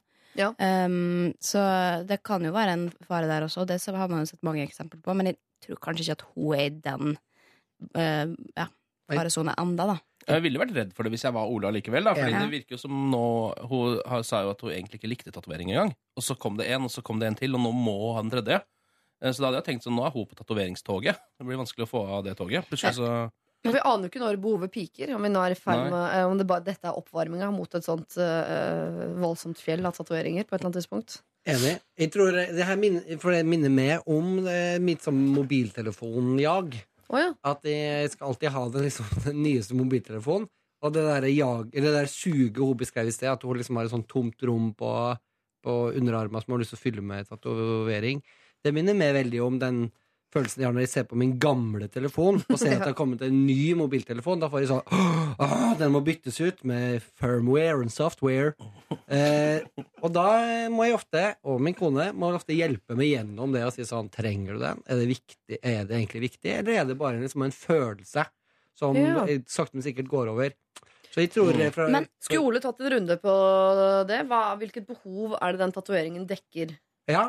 Kanskje Ja. han får litt mer forståelse for det også. Men så tror jeg ikke hvis hun hadde vært besatt av den tanken om å få oss eh, tatovering, så hadde hun tatt den allerede. Da hadde ikke hun spurt om lov, for det er jo tross alt ikke hans eiendel, kroppen eller huden hans, på noen noe som helst måte. Så hvis du på en måte hadde vært i den der faresonen hvor du ikke greide å kontrollere det, jeg må, jeg må fylle et eller annet, så, så For det er jo noen av dem også, det er dem som reiser til Syden og har tre nye tatoveringer når de kommer tilbake, liksom, uten Ja. egentlig tenkt over det engang. Mm. Men her har jeg jo faktisk tenkt mye på eh, også, om jeg skal få hva jeg skal ha. Altså, og det er jo en god prosess, da, fordi altså, jeg har hørt en regel, tror jeg, sånn uskreven, at man skal kanskje vente et år på å tenke på Hvis man har et, et motiv i hodet, da, så skal man tenke på det minst et år uh, før det på en måte er uh, OK, da er det greit. Det tror jeg er lurt. Så jeg kan jo uh, ramse opp to av de tatoveringene jeg ville ha hatt. Hvis jeg ikke var for at jeg nettopp fulgte den regelen. Tenk på det et år først. Eller jeg var så ung at jeg ikke hadde penger, da, så jeg måtte spare et år. Og da rekker man jo å tenke også på det året innimellom. Eh, men hadde jeg vært eh, rikere og dummere, så hadde jeg hatt en maur på øreflippen og Tommy og tigeren på overarmen. Ikke sant? Så det er jo eh, Jo, men Det hadde også sagt noe om deg som person, eh, og alle de rette tingene. Så jeg tenker at det ikke... Man kan venne det òg. Jeg er veldig veldig glad for at jeg ikke gjorde det. Men det skal eh, sies her, som Emma jo skriver, hun elsker fugletatoveringen sin. Altså Hun syns selv det er noe av det vakreste i hele verden. Og når jeg leser hva Ole mener om tatoveringer, så sier han ikke at det er stygt. Det er, han er, virker som en mer sånn prinsipiell greie Mm. at det er tatoveringer. Hva er behovet, egentlig? Virker som en liksom Blindern-type. Hva er behovet? Og det blir jo aldri så fint i virkeligheten. Og han sier Mm. ikke så mye om at han ikke liker det på Emma. Han De er nevner sånn- heller ikke Det er veldig kjedelig, men det er jo en sånn økonomisk aspekt. Og det er ganske dyrt med tatoveringer. Hvis man skal fylle skal hele vi ikke ha full sleeve, liksom. Men det er ikke Nei. dyrere enn å sette på øyevipper og klippe seg og alle de andre tingene. På Er det ikke? Nei, Nei, det tror ikke. jeg ikke. Jeg tenker at det kunne vært verre ting da hun hadde hatt lyst på. Ja, Kunne hatt lyst på andre menn. Ikke minst. Hennes, hennes kropp. Ja. ja. ja, hennes kunne mål. hatt uh, lyst på VIP Extensions 3D eller 4D-effekt uh, og Restylane og uh, Botox Nei, sånne eh, implanter i rumpa. Ja. Rumpeimplantat, ja. Eller hun kunne hatt lyst på fangs, altså hoggtenner, for eksempel. Ja, eller sånn eller splitta Ja, eh, sånn- tunge. Sånn bein som du har under huden, sånn at det ser ut som du har horn. Ja, ja, ja, ja. Men er det ikke litt sånn altså, jeg tenker, Scarification kan komme innom også. ja. Eller svi Eller svidd med sånn Nei, ku... gud, nå hørtes det ut som vi snakka stygt om alle dem som hadde det. Men altså, jeg tenker at, og, og det er mange ting man, som kunne vært verre. da At En liten tatovering som sikkert, hvis hun bare har en fugl og to navn på, på kroppen fra før av, så, så tviler jeg på at det blir liksom noe veldig hardcore i neste omgang. Men så tenker jeg også at det er litt sånn Hvis du har sagt A, så får du si B, liksom. Hvis han har blitt med på at du har fått eh, At du har to tatoveringer det er ja, Som vi snakka om i sted, at en tredje vil jo ikke liksom ødelegge henne. Og det vil jo Nei, bare på et eller annet sted så går det jo en grense. For plutselig en dag sier sånn Jeg lurer på om jeg skal tatovere Ole Brumm i fjeset. jeg». Altså, Ja, altså, det betyr, altså, selv om man har sagt A, så må man ikke si Å. Nei, men det kanskje B. trenger man ikke. Ja. Kanskje B. Ok, Jeg personlig syns at tatoveringer er så sexy at jeg kan nesten ikke snakke om det. Så for meg er det vanskelig å sette seg inn i eh, Ole sitt sted her. Jeg syns det er uh, møkkasexy. Nesten på alle. Nesten hva som helst, hvor som helst. Eh, Ja. Men jo mer helhetlig jo diggere, på en måte. Eh, jeg maser på min mann om at han skal eh, fylle hele armen sin. Og han gidder ikke. Sånne type ting. Kan, nå er han på danskebåten, kan han jo komme hjem med hva som helst. eh, Så hvem vet. Jeg krysser fingra, i hvert fall.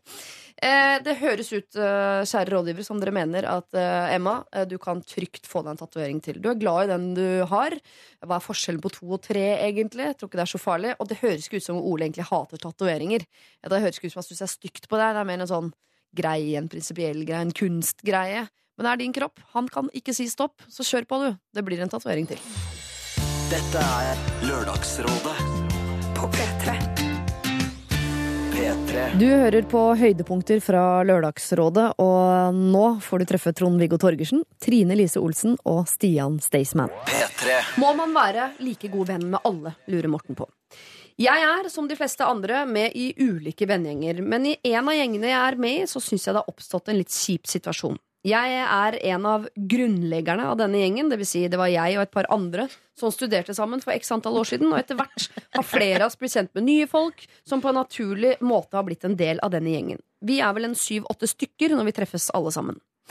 Imidlertid er det ikke alle av disse jeg liker like godt, for å si det som det er. Så er det et par av de jeg rett og slett ikke finner eh, Altså det er et par av de jeg syns er utrolig irriterende, og som jeg aldri ville ha hengt med på tomannshånd.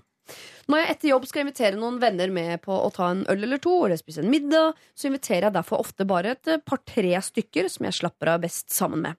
Men så er problemet. Når dette da blir kjent for de andre, så er det enkelte som har sendt meg ganske direkte meldinger eh, og spør om hvorfor ikke de også har vært invitert. Jeg syns også at det er et ganske stort tiltak å måtte invitere en haug med mennesker og komme fram til hvilket tidspunkt som passer best for alle, når formålet bare er å slappe av. Er det virkelig slik at når man er med en vennegjeng, så må invitasjonen gå ut til samtlige for at det skal være lov? Vi er gutter. Morten. Det er veldig fint at han presiserer det på slutten. Ja, det var det- ja, jeg skulle spørre, er du det? Ja, ja, ja. Er du egentlig en gutt? Ja. Er du en mann? Det høres veldig sånn jentegjengaktig ut eh, for meg, da. Ja, Men- jeg syns det er litt forfriskende å vite at, eh, at vi er likere enn vi tror. Ja, men jeg tror det der er et eh, veldig sjeldent uh, tilfelle. Men det er også sånn, det er også sånn at folk er veldig forskjellige. Da. Altså, Hvis man kan eh, få, få liksom, uh, dekket over dette med at ja, sånne varianter finnes også. Jeg oppdaget når jeg hørte at han snakket, at jeg har veldig få venner. At jeg, jeg tror jeg har mye færre venner enn vanlige folk har. Og det har kona mi også. Hun er sånn som ikke har så mange venner. Men får man ikke færre Altså Det piker på et eller annet tidspunkt i livet, og så blir det færre og færre, for man skjønner at eh, det er viktigere å bruke masse uh, god tid på de man virkelig er glad i, enn drive og surre rundt med folk som er litt kule. Absolutt. Og da velger man jo fra ulike gjenger eller de man har kjent før. Og så, og så bør man jo ikke treffe alle hver eneste gang. Og etter hvert syns jo jeg også at det er, det er jo kjedelig å være sammen bare sånn bulkegjeng. Nå kan du ikke høre hva folk tenker hvis det er altfor mange. Eh, det er nå mitt, eh, mitt behov etter hvert. Da. Det er å ha en ordentlig samtale med noen få. Mm. Eh, Mm. heller det enn å, å ha en sånn venn. Jeg tror han er på riktig spor. Han begynner å bli voksen. Han plukker ut et par til som har lyst til å være sammen med. Men da er vi jo uh, virkelig på lag med Morten Ja. uh, her, Mm. virker det som. Uh, problemet er at det, det er ikke alle i gruppa som, som er det. Hvordan skal man slutte å bli eller slippe å bli konfrontert med hver gang man har tatt en øl med en god venn, og bli konfrontert med to-tre andre litt dårligere venner, at, at det du driver med der, ikke er greit? Men det må jo han bestemme sjøl. Man bestemmer jo sjøl hva man har lyst til å være sammen med. Og hvis noen blir sur for det, så bare sier ja, men jeg gidder ikke å ringe absolutt alle hver gang jeg har lyst til å møtes. Mm. Jeg bare, Nå hadde jeg lyst til å møtes eh, noen, noen få, og da ringte jeg dem. Så Ja. får du bare ta det som du vil. Sorry. Ja. Og, og neste gang kan det jo være noen andre, eller så kan de møtes alle sammen en gang også. Det, er det, det kan da ikke være så vanskelig. Ja, men det er vanskelig, skjønner du. Det er masse Er det det? følelser og masse tær og uh, masse tråkking. Hvordan gjør dere det i din eh, guttegjeng, eh, Stian? Ja, Åssen gjør vi det? Alle møtes alltid? Nei, men altså, jeg har heller ikke så veldig mange sånn veldig sånn gode venner. Det begrenser seg veldig. Uh, jeg vet ikke. Det er litt sånn uh, tre-fire stykker kanskje som kjenner meg ordentlig. Men- Mens, mens resten er litt sånn sånn Jeg syns det er koselig liksom, å sende en melding 'Skal vi ta en pils sammen?' Men denne, Mm. altså, du har vel sikkert en eller annen gjeng rundt eh, eh, Altså denne Lass, for eksempel. Lass ta tak i han. Ja da, han Ja. er jo han Han er kanskje en av de nærmeste. Men eh, du, har du ikke liksom vært del av en klikk en eller annen gang, og så har du lyst til å bare treffe to av de eller én, eller uten at nødvendigvis hele liksom, gruppa må være med? Ja, men Da bare sender jeg en melding til dem. Og så er det ikke et problem? Nei, så jeg har ikke opplevd at det har vært et problem, nei. Men hva er det han er redd for, liksom, ved å ikke liksom, er, dem, er det Konfronterer dem han hele tida? Er de, Ja, ja, de- de blir sur på han, liksom. Men Ja. da må man si Men jeg har ikke lyst til å møte alle hele tida. Jeg har lyst til å møte noen få for å ha en fin samtale og, Mm. og drikke noen øl og bare slappe av. Ikke at det skal bli en sånn svær fest hver gang vi møtes. Ja, men det går jo an å ta det litt pent. Altså. Ja. Men jeg tenker litt sånn er det, Hvis han inviterer tre-fire kompiser, da, Ja. og så dukker det opp to til, Ja. som man kanskje i utgangspunktet ikke ville ha der, da. Mm. Men er det verdens undergang? Ja, det kan være verdens undergang hvis de to-tre stykkene er folk som tar mye plass, og du liker dem ikke i utgangspunktet. Ja, men da, Du rakk ikke å snakke med kompisen din, for det satt en eller annen dusj Ja, ut på sant. siden der er og snakka om ishockey hele kvelden. Hvis det er, men det kan ikke være eh, sånn at det er ulike gjenger. At man har et eller annet slags poeng med at dette er en gjeng. Det er at folk man ser fotball sammen med, f.eks., eller folk man spiller sammen med. Altså man gjør forskjellige ting med forskjellige gjengaktige folk som man har rundt seg. Og så er det noen av de man plukker ut som er mer sammen med, men de kan jo være en del av en sånn stor gruppe også. Som man vil møte oftere. Ja, hvorfor ikke? Ja. Så jeg, jeg, jeg syns jeg skal si at ja, men sånn er det blitt nå. Jeg plukker ut et par stykker som jeg har lyst til å ha med nå. Og det er klart hvis det kommer av hele gjengen, og alle sier 'hvorfor fikk ikke jeg være med også', så får de jo si 'hvor gamle er dere blitt egentlig etter hvert'? Ja. Jo, jo, det er jo fristende, det er jo fristende å si det, men det er vel det Morten kvier seg for, da. Ja. Eh, men jeg tenker også, nå vet vi jo ikke når du da inviterer to-tre av de, om det er to-tre av de eh, som du på en måte grunnla denne gjengen sammen med, eh, eller om dette er to-tre av de nyeste. For der også er det noe litt sånn eh, Å ja, så den en av de andre grunnleggerne fikk ikke være med, men han eh, nyeste ankomne, han får lov til å være med på disse små, eksklusive eh, fragmentene av eh, at gjengen møtes. Men så er det jo noe med å bli liksom bare Hvis de ikke er sånn her som tar veldig mye plass, da, hvor viktig er det at, hva det gjør om de er der? For det er jo også noe som liksom bare noen som skal, fordi at Han kan jo også være voksen fordi at han har lyst til å ha fine samtaler, men han kan også være barnslig fordi at han vil beholde vi som var originalgjengen. Sammen, Ja. så liksom, liksom bare, Du må jo åpne opp hvis du skal Det var litt sånn jeg tenkte på i stad. Ja. At eh, hvis eh, en av mine tre-fire nærmeste da, eh, skal ha med seg en til, og jeg Ja. kanskje i utgangspunktet hadde tenkt å ta en pils bare med nærmeste kompisen min, liksom, for da hadde jeg lyst til å slappe av, men så spør han er det greit å ta med han, Ja. så, så føler jeg jo det at det er liksom eh, Ja, det går helt fint. Og så får jeg liksom bare fokusere på at da er det to der isteden. Han Så synes blir det er kanskje kvelden litt tiltak annerledes. da, å invitere en haug med mennesker og komme fram til tidspunkt og sted som passer for alle. Men jeg tenker, ok, men kom fram til tidspunkt med han du har mest lyst til å møte, og så går det ut gruppebeskjed på sånn klokka fire på La Soda. De som vil, må komme. Og så kanskje ramler inn en og annen du ikke liker, men ja. Du kan avtale med én, og så skrive på Facebook. Vi sitter her og drikker øl. Kom hvis dere har lyst. For da eh, har mest sannsynligvis de her som man ikke liker så godt, kanskje ikke tid akkurat der og da. Men du var invitert. For vi skrev på Facebook at det var bare å møte opp. Men de som uh, surner på dette her, kommer til å surne på det også. Sånn, å ja, så du kunne si ifra til han først, men ikke til oss. Nei, det kom først etterpå. Ja, men- får ja. en sur melding på det òg. Det, da, da er vi over i jente... Vi er over i jenteland for lenge siden. Ja, ja, ja. Hele greia jeg, er jeg, jenteland. jeg falt litt i jenteland når jeg begynte med det derre Vi grunnla den gjengen her. Ja, ja, ja. Ja, men det, han, det er i anførselstegn. Men skjønner hva jeg mener. Ja, At det var tre stykker som Og så har det blitt større Det og kan jo være større. sånn studiekamerater, og så Ja, har det ja, ja. bunka seg opp. Ja. Men er, syns dere ikke det er eh, Jeg er jo på en måte enig i alt dere sier, men til en viss grad. Fordi hvis man er eh, åtte stykker i en gjeng, da, eh, og så inviterer du bare sånn seks av de, Ja, det- da begynner det å bli vanskelig igjen. Da er det litt vanskelig igjen, ja. Så Det, antall... det er forskjell på hva de skal, tenker jeg. da altså, Sånn som når jeg har eh, kosetid da, med mine beste venner, så sørger jeg liksom for at vi ikke er Altså, ja, da drar jeg Det blir så gærent uansett hva jeg sier. Nei, da. Ja, da, da, da drar jeg hjem til bestekameraten min, og så sitter vi der og så spiller vi sjakk. Ja. Oss to.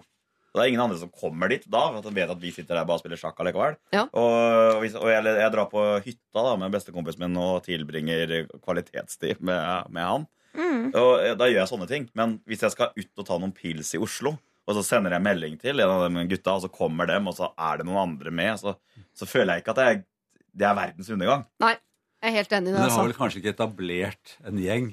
Grunnlagt, mener du? Grunnet, unnskyld. Nei. Grunnet. Man kan, men da må man etablere en ny gjeng der. Vi etablerer en ny gjeng i dag. Kom alle sammen som vil.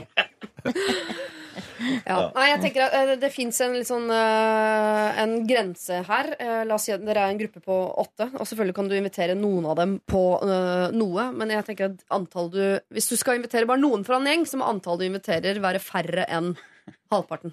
Ja, men hvor viktig er det å lage et problem ut av det òg? Det er jo det han må Kjempeviktig, hvis ikke så har vi noe å snakke om her i Lørdagsrådet. Og og det Jo, sier men ikke- for han, han synes han lager litt stort problem ut sier av det. ikke vi hva de driver med heller. Hvis det er sånn der, 'velkommen på isbading klokka halv seks', Ja. så får de komme, de som liker isbading. Da. Det, det gjør ikke noe om det bader et par til.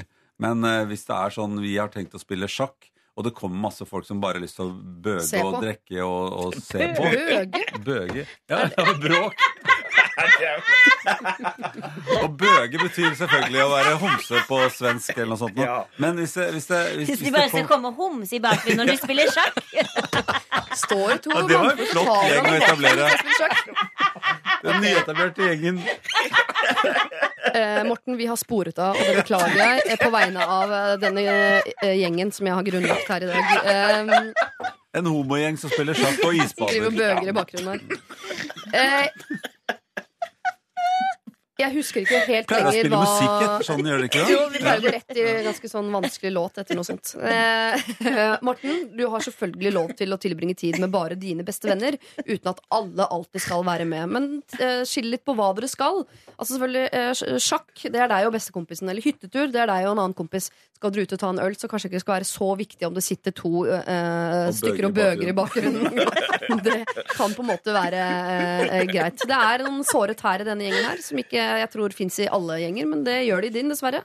Og da uh, handler det også om å ta litt grann, hensyn. Men du har all rett til å bringe, tilbringe tid med de du er glad i, uten at de nødvendigvis skal ha med seg masse folk som bøger i bakgrunnen. Lørdagsrådet på P3. P3.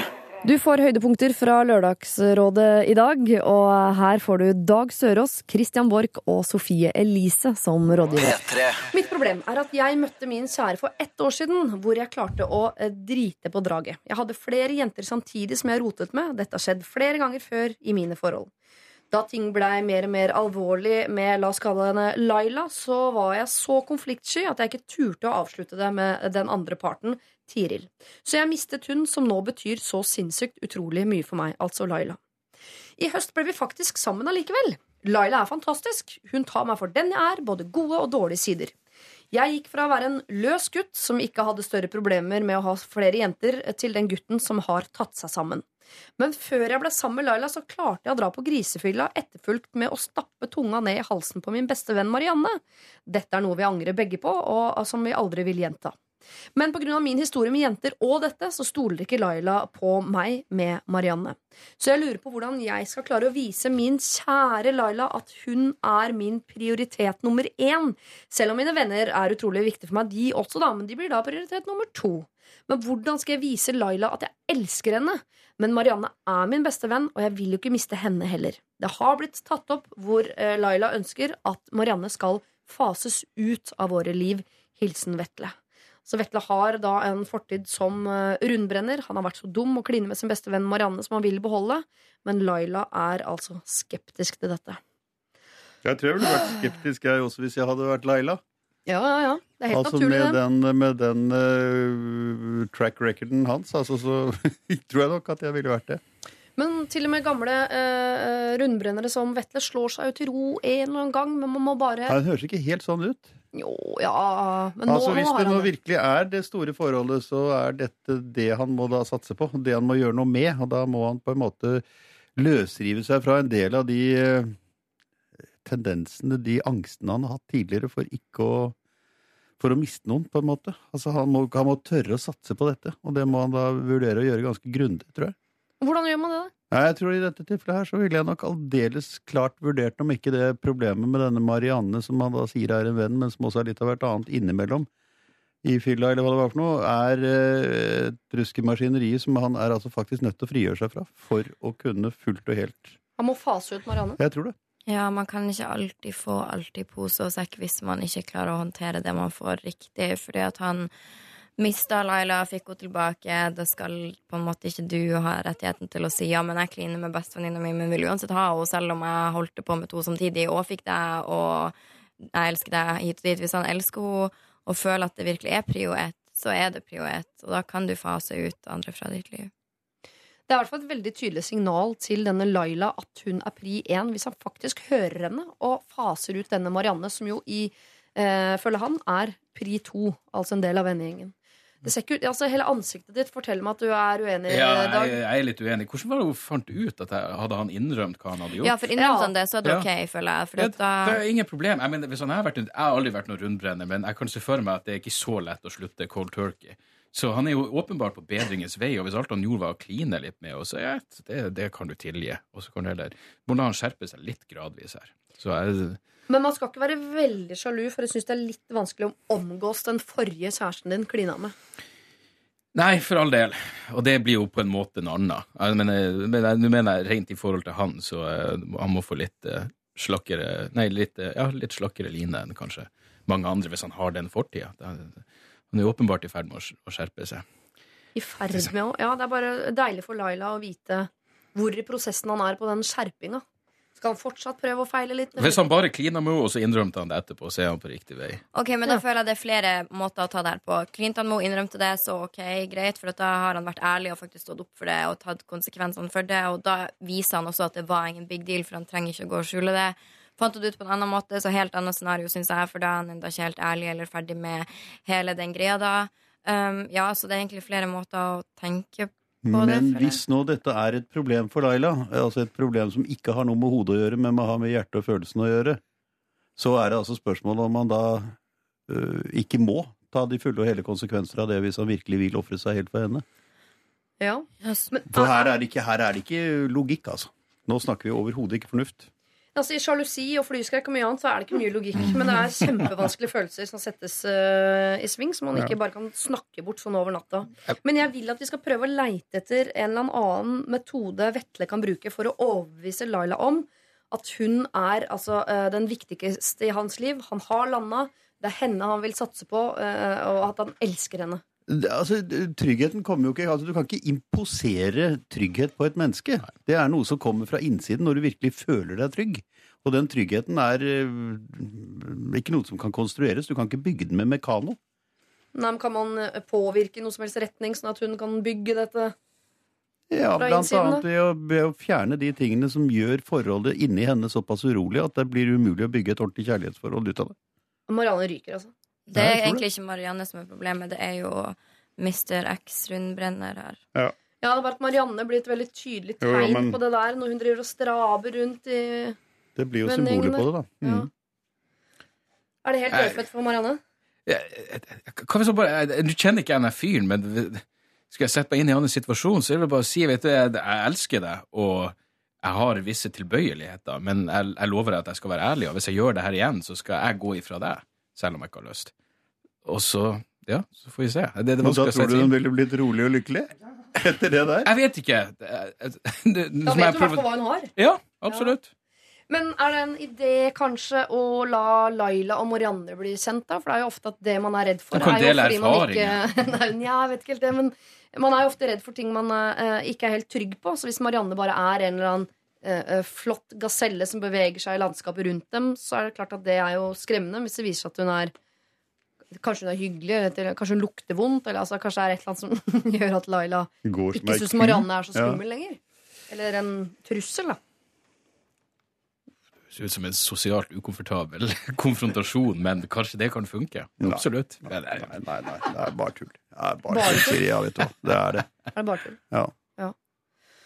Oi, jeg hadde håpet vi skulle klare å beholde Marianne her, uh, Vetle. Det håpet jeg virkelig. Jeg må jo si at jeg har vært i et sånt forhold selv, hvor det var et sånt gammelt spøkelse Uh, som red rundt oss hele tiden. Som Det var ikke deg som eh, var spøkelse? Nei, nei, Nei. Jeg, var- jeg var prinsessa. jeg er alltid prinsessen. Og denne spøkelsen, dette spøkelset hadde form av en gaselle som danset. Ja, Han jeg var sammen med, hadde før De hadde ikke klina engang. De var veldig veldig gode venner. Og han hadde vært veldig veldig forresten, og hun var veldig veldig pen. Og hver gang hvis de skulle møtes fordi de var venner, så ryddet han rommet sitt veldig. veldig og sånn Så jeg, bare, jeg, jeg prøvde å få dette kvinnemennesket ut. Ja. ut jeg, jeg godtok ikke deres vennskap, nektet Nei, å snakke med henne og var sånn sjalusi-monstermenneske. Eh, og jeg vet ikke om jeg vant den kampen, altså. Det kan jeg ikke påstå å, å, å ha gjort. Nei, men altså, Det viser jo bare ikke sant, at, at du, du, du var jo ikke tilsnakkende i det hele tatt. Du skulle jo bare ha dette fenomenet bort. Ja. Og det er klart at Jeg ville altså, hatt Marianne bort. Det vil jo altså da denne, denne kjæresten også ha i dette tilfellet. ikke sant? Og det er, altså, det, er jo ikke, det er jo ikke en rasjonelt betinget reaksjon, det. Nei, nei, Det er rett og slett et dypt følelsesforhold, og det, er en, det må du ta alvorlig. Altså, du må virkelig gjøre noe med det og møte. Vi eh, skal eh, se litt tilbake på en eh, rundbrenner, en tidligere rundbrenner, som var usikker på om han hadde klart å slukke frammen i sitt rundbrennerliv. Han hadde møtt eh, kvinnen i sitt liv, mente han, og var klar for å på en måte eh, legge rundbrennerlivet bak seg. Men rett før han ble ordentlig sammen med denne kvinnen i sitt liv, så gikk han altså på en eh, klassisk smell, og en typisk smell eh, for hans vedkommende. Han klina med en god venninne. Og denne gode venninnen syns da denne eh, kjæresten som han nå har, kvinnen i hans liv, er litt vanskelig å forholde seg til at er i hans liv. I hvert fall med tanke på hans merittliste og hans tidligere på en måte eh, eh, tilnærming til kvinner når han er på fest. Hun klarte liksom ikke å stole på at han ikke skulle drive og harve over henne gang på gang og igjen og igjen og gå på smeller, sånn som han gjorde før, da han var rundbrenner. Vi hadde Christian Borch som rådgiver sammen med Sofie Elise og Dag Sørås, og de hadde følgende råd å gi. P3. Så han er jo åpenbart på bedringens vei, og hvis alt han gjorde var å kline litt med oss, ja, det, det kan du tilgi. Og så kan det der, må han skjerpe seg litt gradvis her. Nei, jeg tror I dette tilfellet her så ville jeg nok aldeles klart vurdert om ikke det problemet med denne Marianne, som han da sier er en venn, men som også er litt av hvert annet innimellom i fylla, eller hva det var for noe, er eh, et ruskemaskineri som han er altså faktisk nødt til å frigjøre seg fra for å kunne fullt og helt Han må fase ut Marianne. Jeg tror det. Ja, man kan ikke alltid få alt i pose og sekk hvis man ikke klarer å håndtere det man får riktig, fordi at han mista Laila, fikk henne tilbake. Det skal på en måte ikke du ha rettigheten til å si ja, men jeg kliner med bestevenninna mi, men vil uansett ha henne, selv om jeg holdt på med to samtidig og fikk deg, og jeg elsker deg hit og dit. Hvis han elsker henne og føler at det virkelig er prio ett, så er det prio ett, og da kan du fase ut andre fra ditt liv. Dette er Lørdagsrådet på P3. P3. Jeg lærte mye den eh, dagen der, eh, blant annet at Christian Borch og Sofie Elise er enige om ganske mye her i verden, og det for meg var en åpenbaring. Eh, Jeg tror også vår rundbrenner Vetle fikk seg noen åpenbaringer, for han har skrevet tilbake til oss.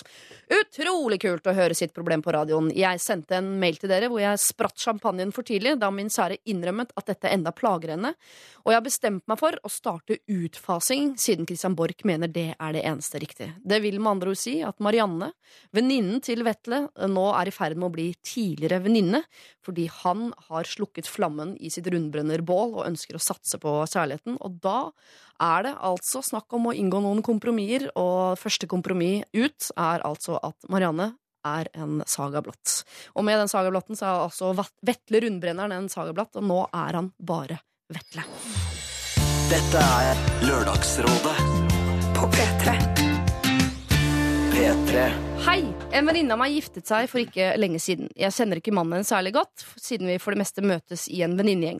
For et par uker siden mottok jeg et anonymt brev i posten fra en tidligere kollega av denne mannen, med en kraftig advarsel om å være på vakt overfor denne mannen, som de hevder er psykopat. Jeg vet ikke hvorfor akkurat jeg fikk dette brevet, men det kan være fordi jeg jobber innen samme bransje som mannen, i tillegg til å være venninne av hans kone. Det verste er at jeg er tilbøyelig til å tro på innholdet i brevet, fordi det er noe med denne mannen jeg reagerer på. Han er så til de grader flott og omtenksom, flink og pertentlig. Ved første møte hadde han gjort god research og var åpen om sine personlige erfaringer, som var veldig sammenfallende med mine. Jeg ble imidlertid skeptisk fordi jeg opplevde det som velregissert og utspekulert. For meg fremstår han som en eh, taktisk og beregnende fyr. Hva i all verden skal jeg gjøre med informasjonen jeg fikk i dette brevet? Jeg kan ikke dele dette med min nygifte venninne, for hun lever fortsatt på en rosa sky og beundrer eh, denne flotte mannen som gjør alt for henne. Og jeg er redd for å dele dette med noen av de andre venninnene mine uten å vite hva vi skal gjøre med det, for jenter er ikke alltid gode til å holde på hemmeligheter, og vi eh, vil ikke være opphavet til et slikt rykte. Jeg ønsker min nygifte venninne alt godt, men hvordan skal jeg gå fram for å hjelpe henne? Sannsynligvis har hun eh, det foreløpig helt topp, og kan ikke vite med 100 sikkerhet at innholdet i brevet er sant. Men det kan være det. Hilsen rådløs venninne Maja. Eh, Jeg vet ikke om jeg har rukket å skumlese brevet noen. Det er et ganske langt, tettskrevet eh, brev, og det eh, dere vil oppdage hvis dere rekker å lese hele, er at det er ikke ett eneste eksempel i dette brevet på ting mannen har sagt eller gjort som er psykopatisk, Mm. men det er utrolig nøye beskrivelser av hva som er en psykopat. Mm. Eh, jeg savner noen eksempler på hva denne mannen har gjort som er så forferdelig Uh, i dette brevet. Foreløpig så stemmer det veldig med hennes historie, at han er veldig sånn eh, prikkfri og flink i Mm. starten. Og det Ja. står det jo også i det brevet her, at uh, han er helt rå til å snakke for seg, sjarmerende og har alt i orden. Så sånn sett så stemmer det jeg- bra. Men så venter man på at er det det skal snu, nemlig. Eh, ja, det er man usikker på. Hun vet jo ikke engang men hvem det som står har sendt også her at ingen samvittighet og en lyst, mellomrom, løgner.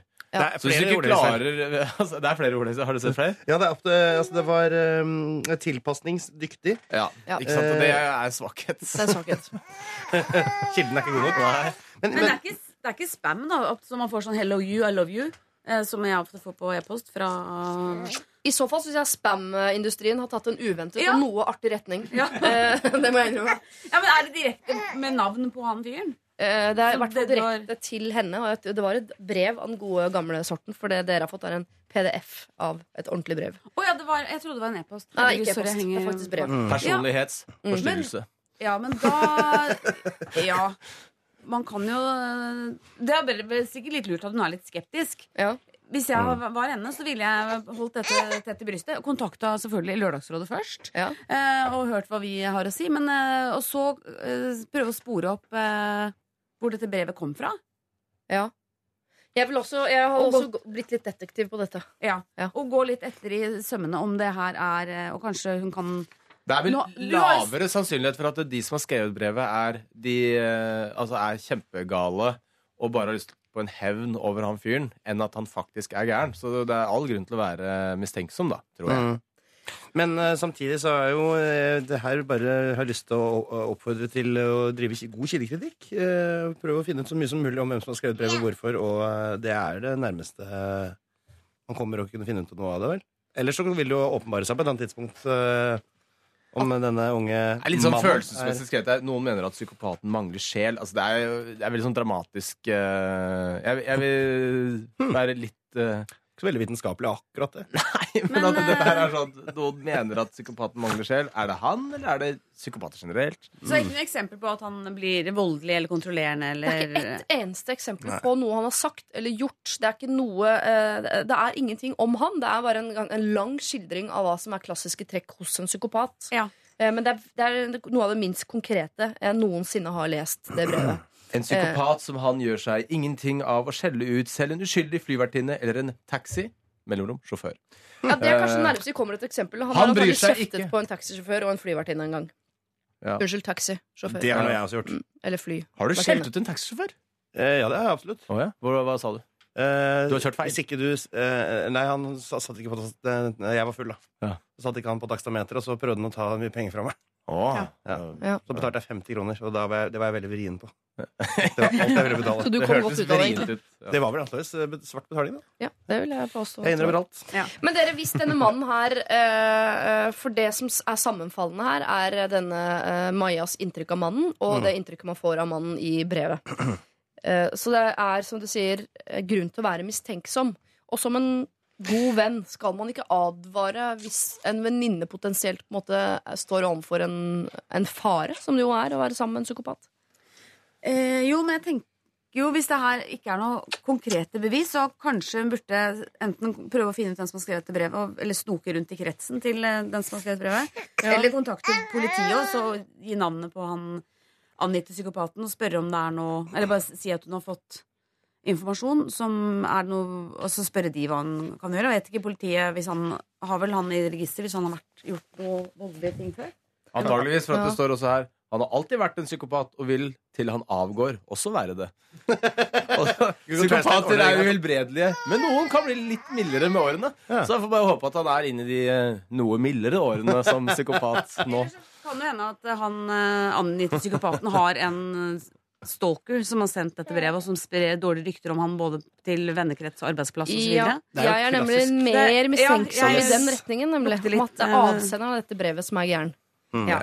Eh, Vi må være litt, litt forsiktige med å drive og utlyse psykopati på folk hele tiden. Men man skal være veldig nøye ved å, å finne ut uh, sannhetsgehalten i, i det greiene her. da. Det- er litt sånn fish i det brevet her, men uh, det kan jo være at det er en uh, rettmessig Jeg syns avsender av brevet vet altfor mye om hva det vil være å eh, si å være psykopat. Ja, Men en psykopat vil ikke nødvendigvis vite hva det er å være psykopat. De er jo bare går rundt og er eh, gærne og, og syns at uh, livet deres er helt perfekt. Ja, er og syns det er veldig rart at ting plutselig klusser seg til. Og de feiler jo på psykopattestene fordi de tenker at de svarene de gir, er kjempebra. Ja. Jeg er kjempeopptatt av meg sjøl, jeg. Ja, ja, ja. Helt topp, det. Men nå er, nå er jo det brevet der. Eh, Da er det er grunnlag for å på en måte bare eh, etterforske saken litt nærmere. Kikke Mm. litt på avsenderen, kikke litt på psykopaten, eh, den angivelige psykopaten. eh, Og lev livet som før. Ikke si noen ting til venninnen. Det syns jeg er veldig bra forslag, jo, det. men for, jo, kan godt si noe, men på en, måte, på en litt sånn åpen måte. Nå er det kommet inn et rart brev her. Ja, så kan man jo Ja. le av de samme ting som vi har ledd av i dette brevet. Mm. Altså, det, det er jo mye underholdning her, da. Mhm. Det kan hende at han, mannen har en stalker. Hvis man har stalker, så skal man jo ikke Det har vi lært her på NRK. Vise kvinner som jobber her, har jo gjerne noen stalkers. Man skal ikke snakke så høyt om dem. Og det er jo mulig at hvis han er Han som blir utsatt i brevet, har stalkers så, Det var ikke jeg som prompa. Hva skjedde Bra timing, Erlend. Det, altså Det der der er mye mødre som har bare Det var ikke meg som prompa nå. Det, For det faller ikke det er sammen. ikke mulig å etterkontrollere. Jeg hører forskjell på en fis sluppet i truse og en fis sluppet i bleie. Gjør det er du to det? forskjellige lyder, akkurat som å fise i stoffsofa eller skinnsofa. Det er to forskjellige lyder. Men var det, Ble det en avsporing, eller fikk du Det er en, av, eh, det er en avføring, som du sier. Ja. Dere, eh, eh, det Maja er nødt til å gjøre Hun kan selvfølgelig være litt sånn CSI her. Eh, undersøke litt osv. Men hennes eh, ansvar som venninne er vel å sørge for at venninnen eh, har det bra, eh, er trygg osv. Og, og jeg tror ikke jeg tror ikke du ødelegger livet til venninnen din ved å vise dette brevet her. Det er ikke på en måte stygt nok i forhold til hvem mannen hennes er. Hvis hun Nei, stoler altså, på han og er glad i han, så Er det fikser hun det. feil, så er det jo bare et uh, pussig og borderline artig eh, tilfelle av eh, en advarsel. Og hvis det er riktig, så er det jo en rettmessig bra ting. Så det er jo ikke noe gærent i å Nei, jeg tror her eh, du må rett og slett vise brevet. For Enten er det sant, da må hun vite det, eller så er det ikke sant. Og da må hun ha muligheten til å få sagt fram at dette er bare tøv. Dette er Lørdagsrådet på P3. P3.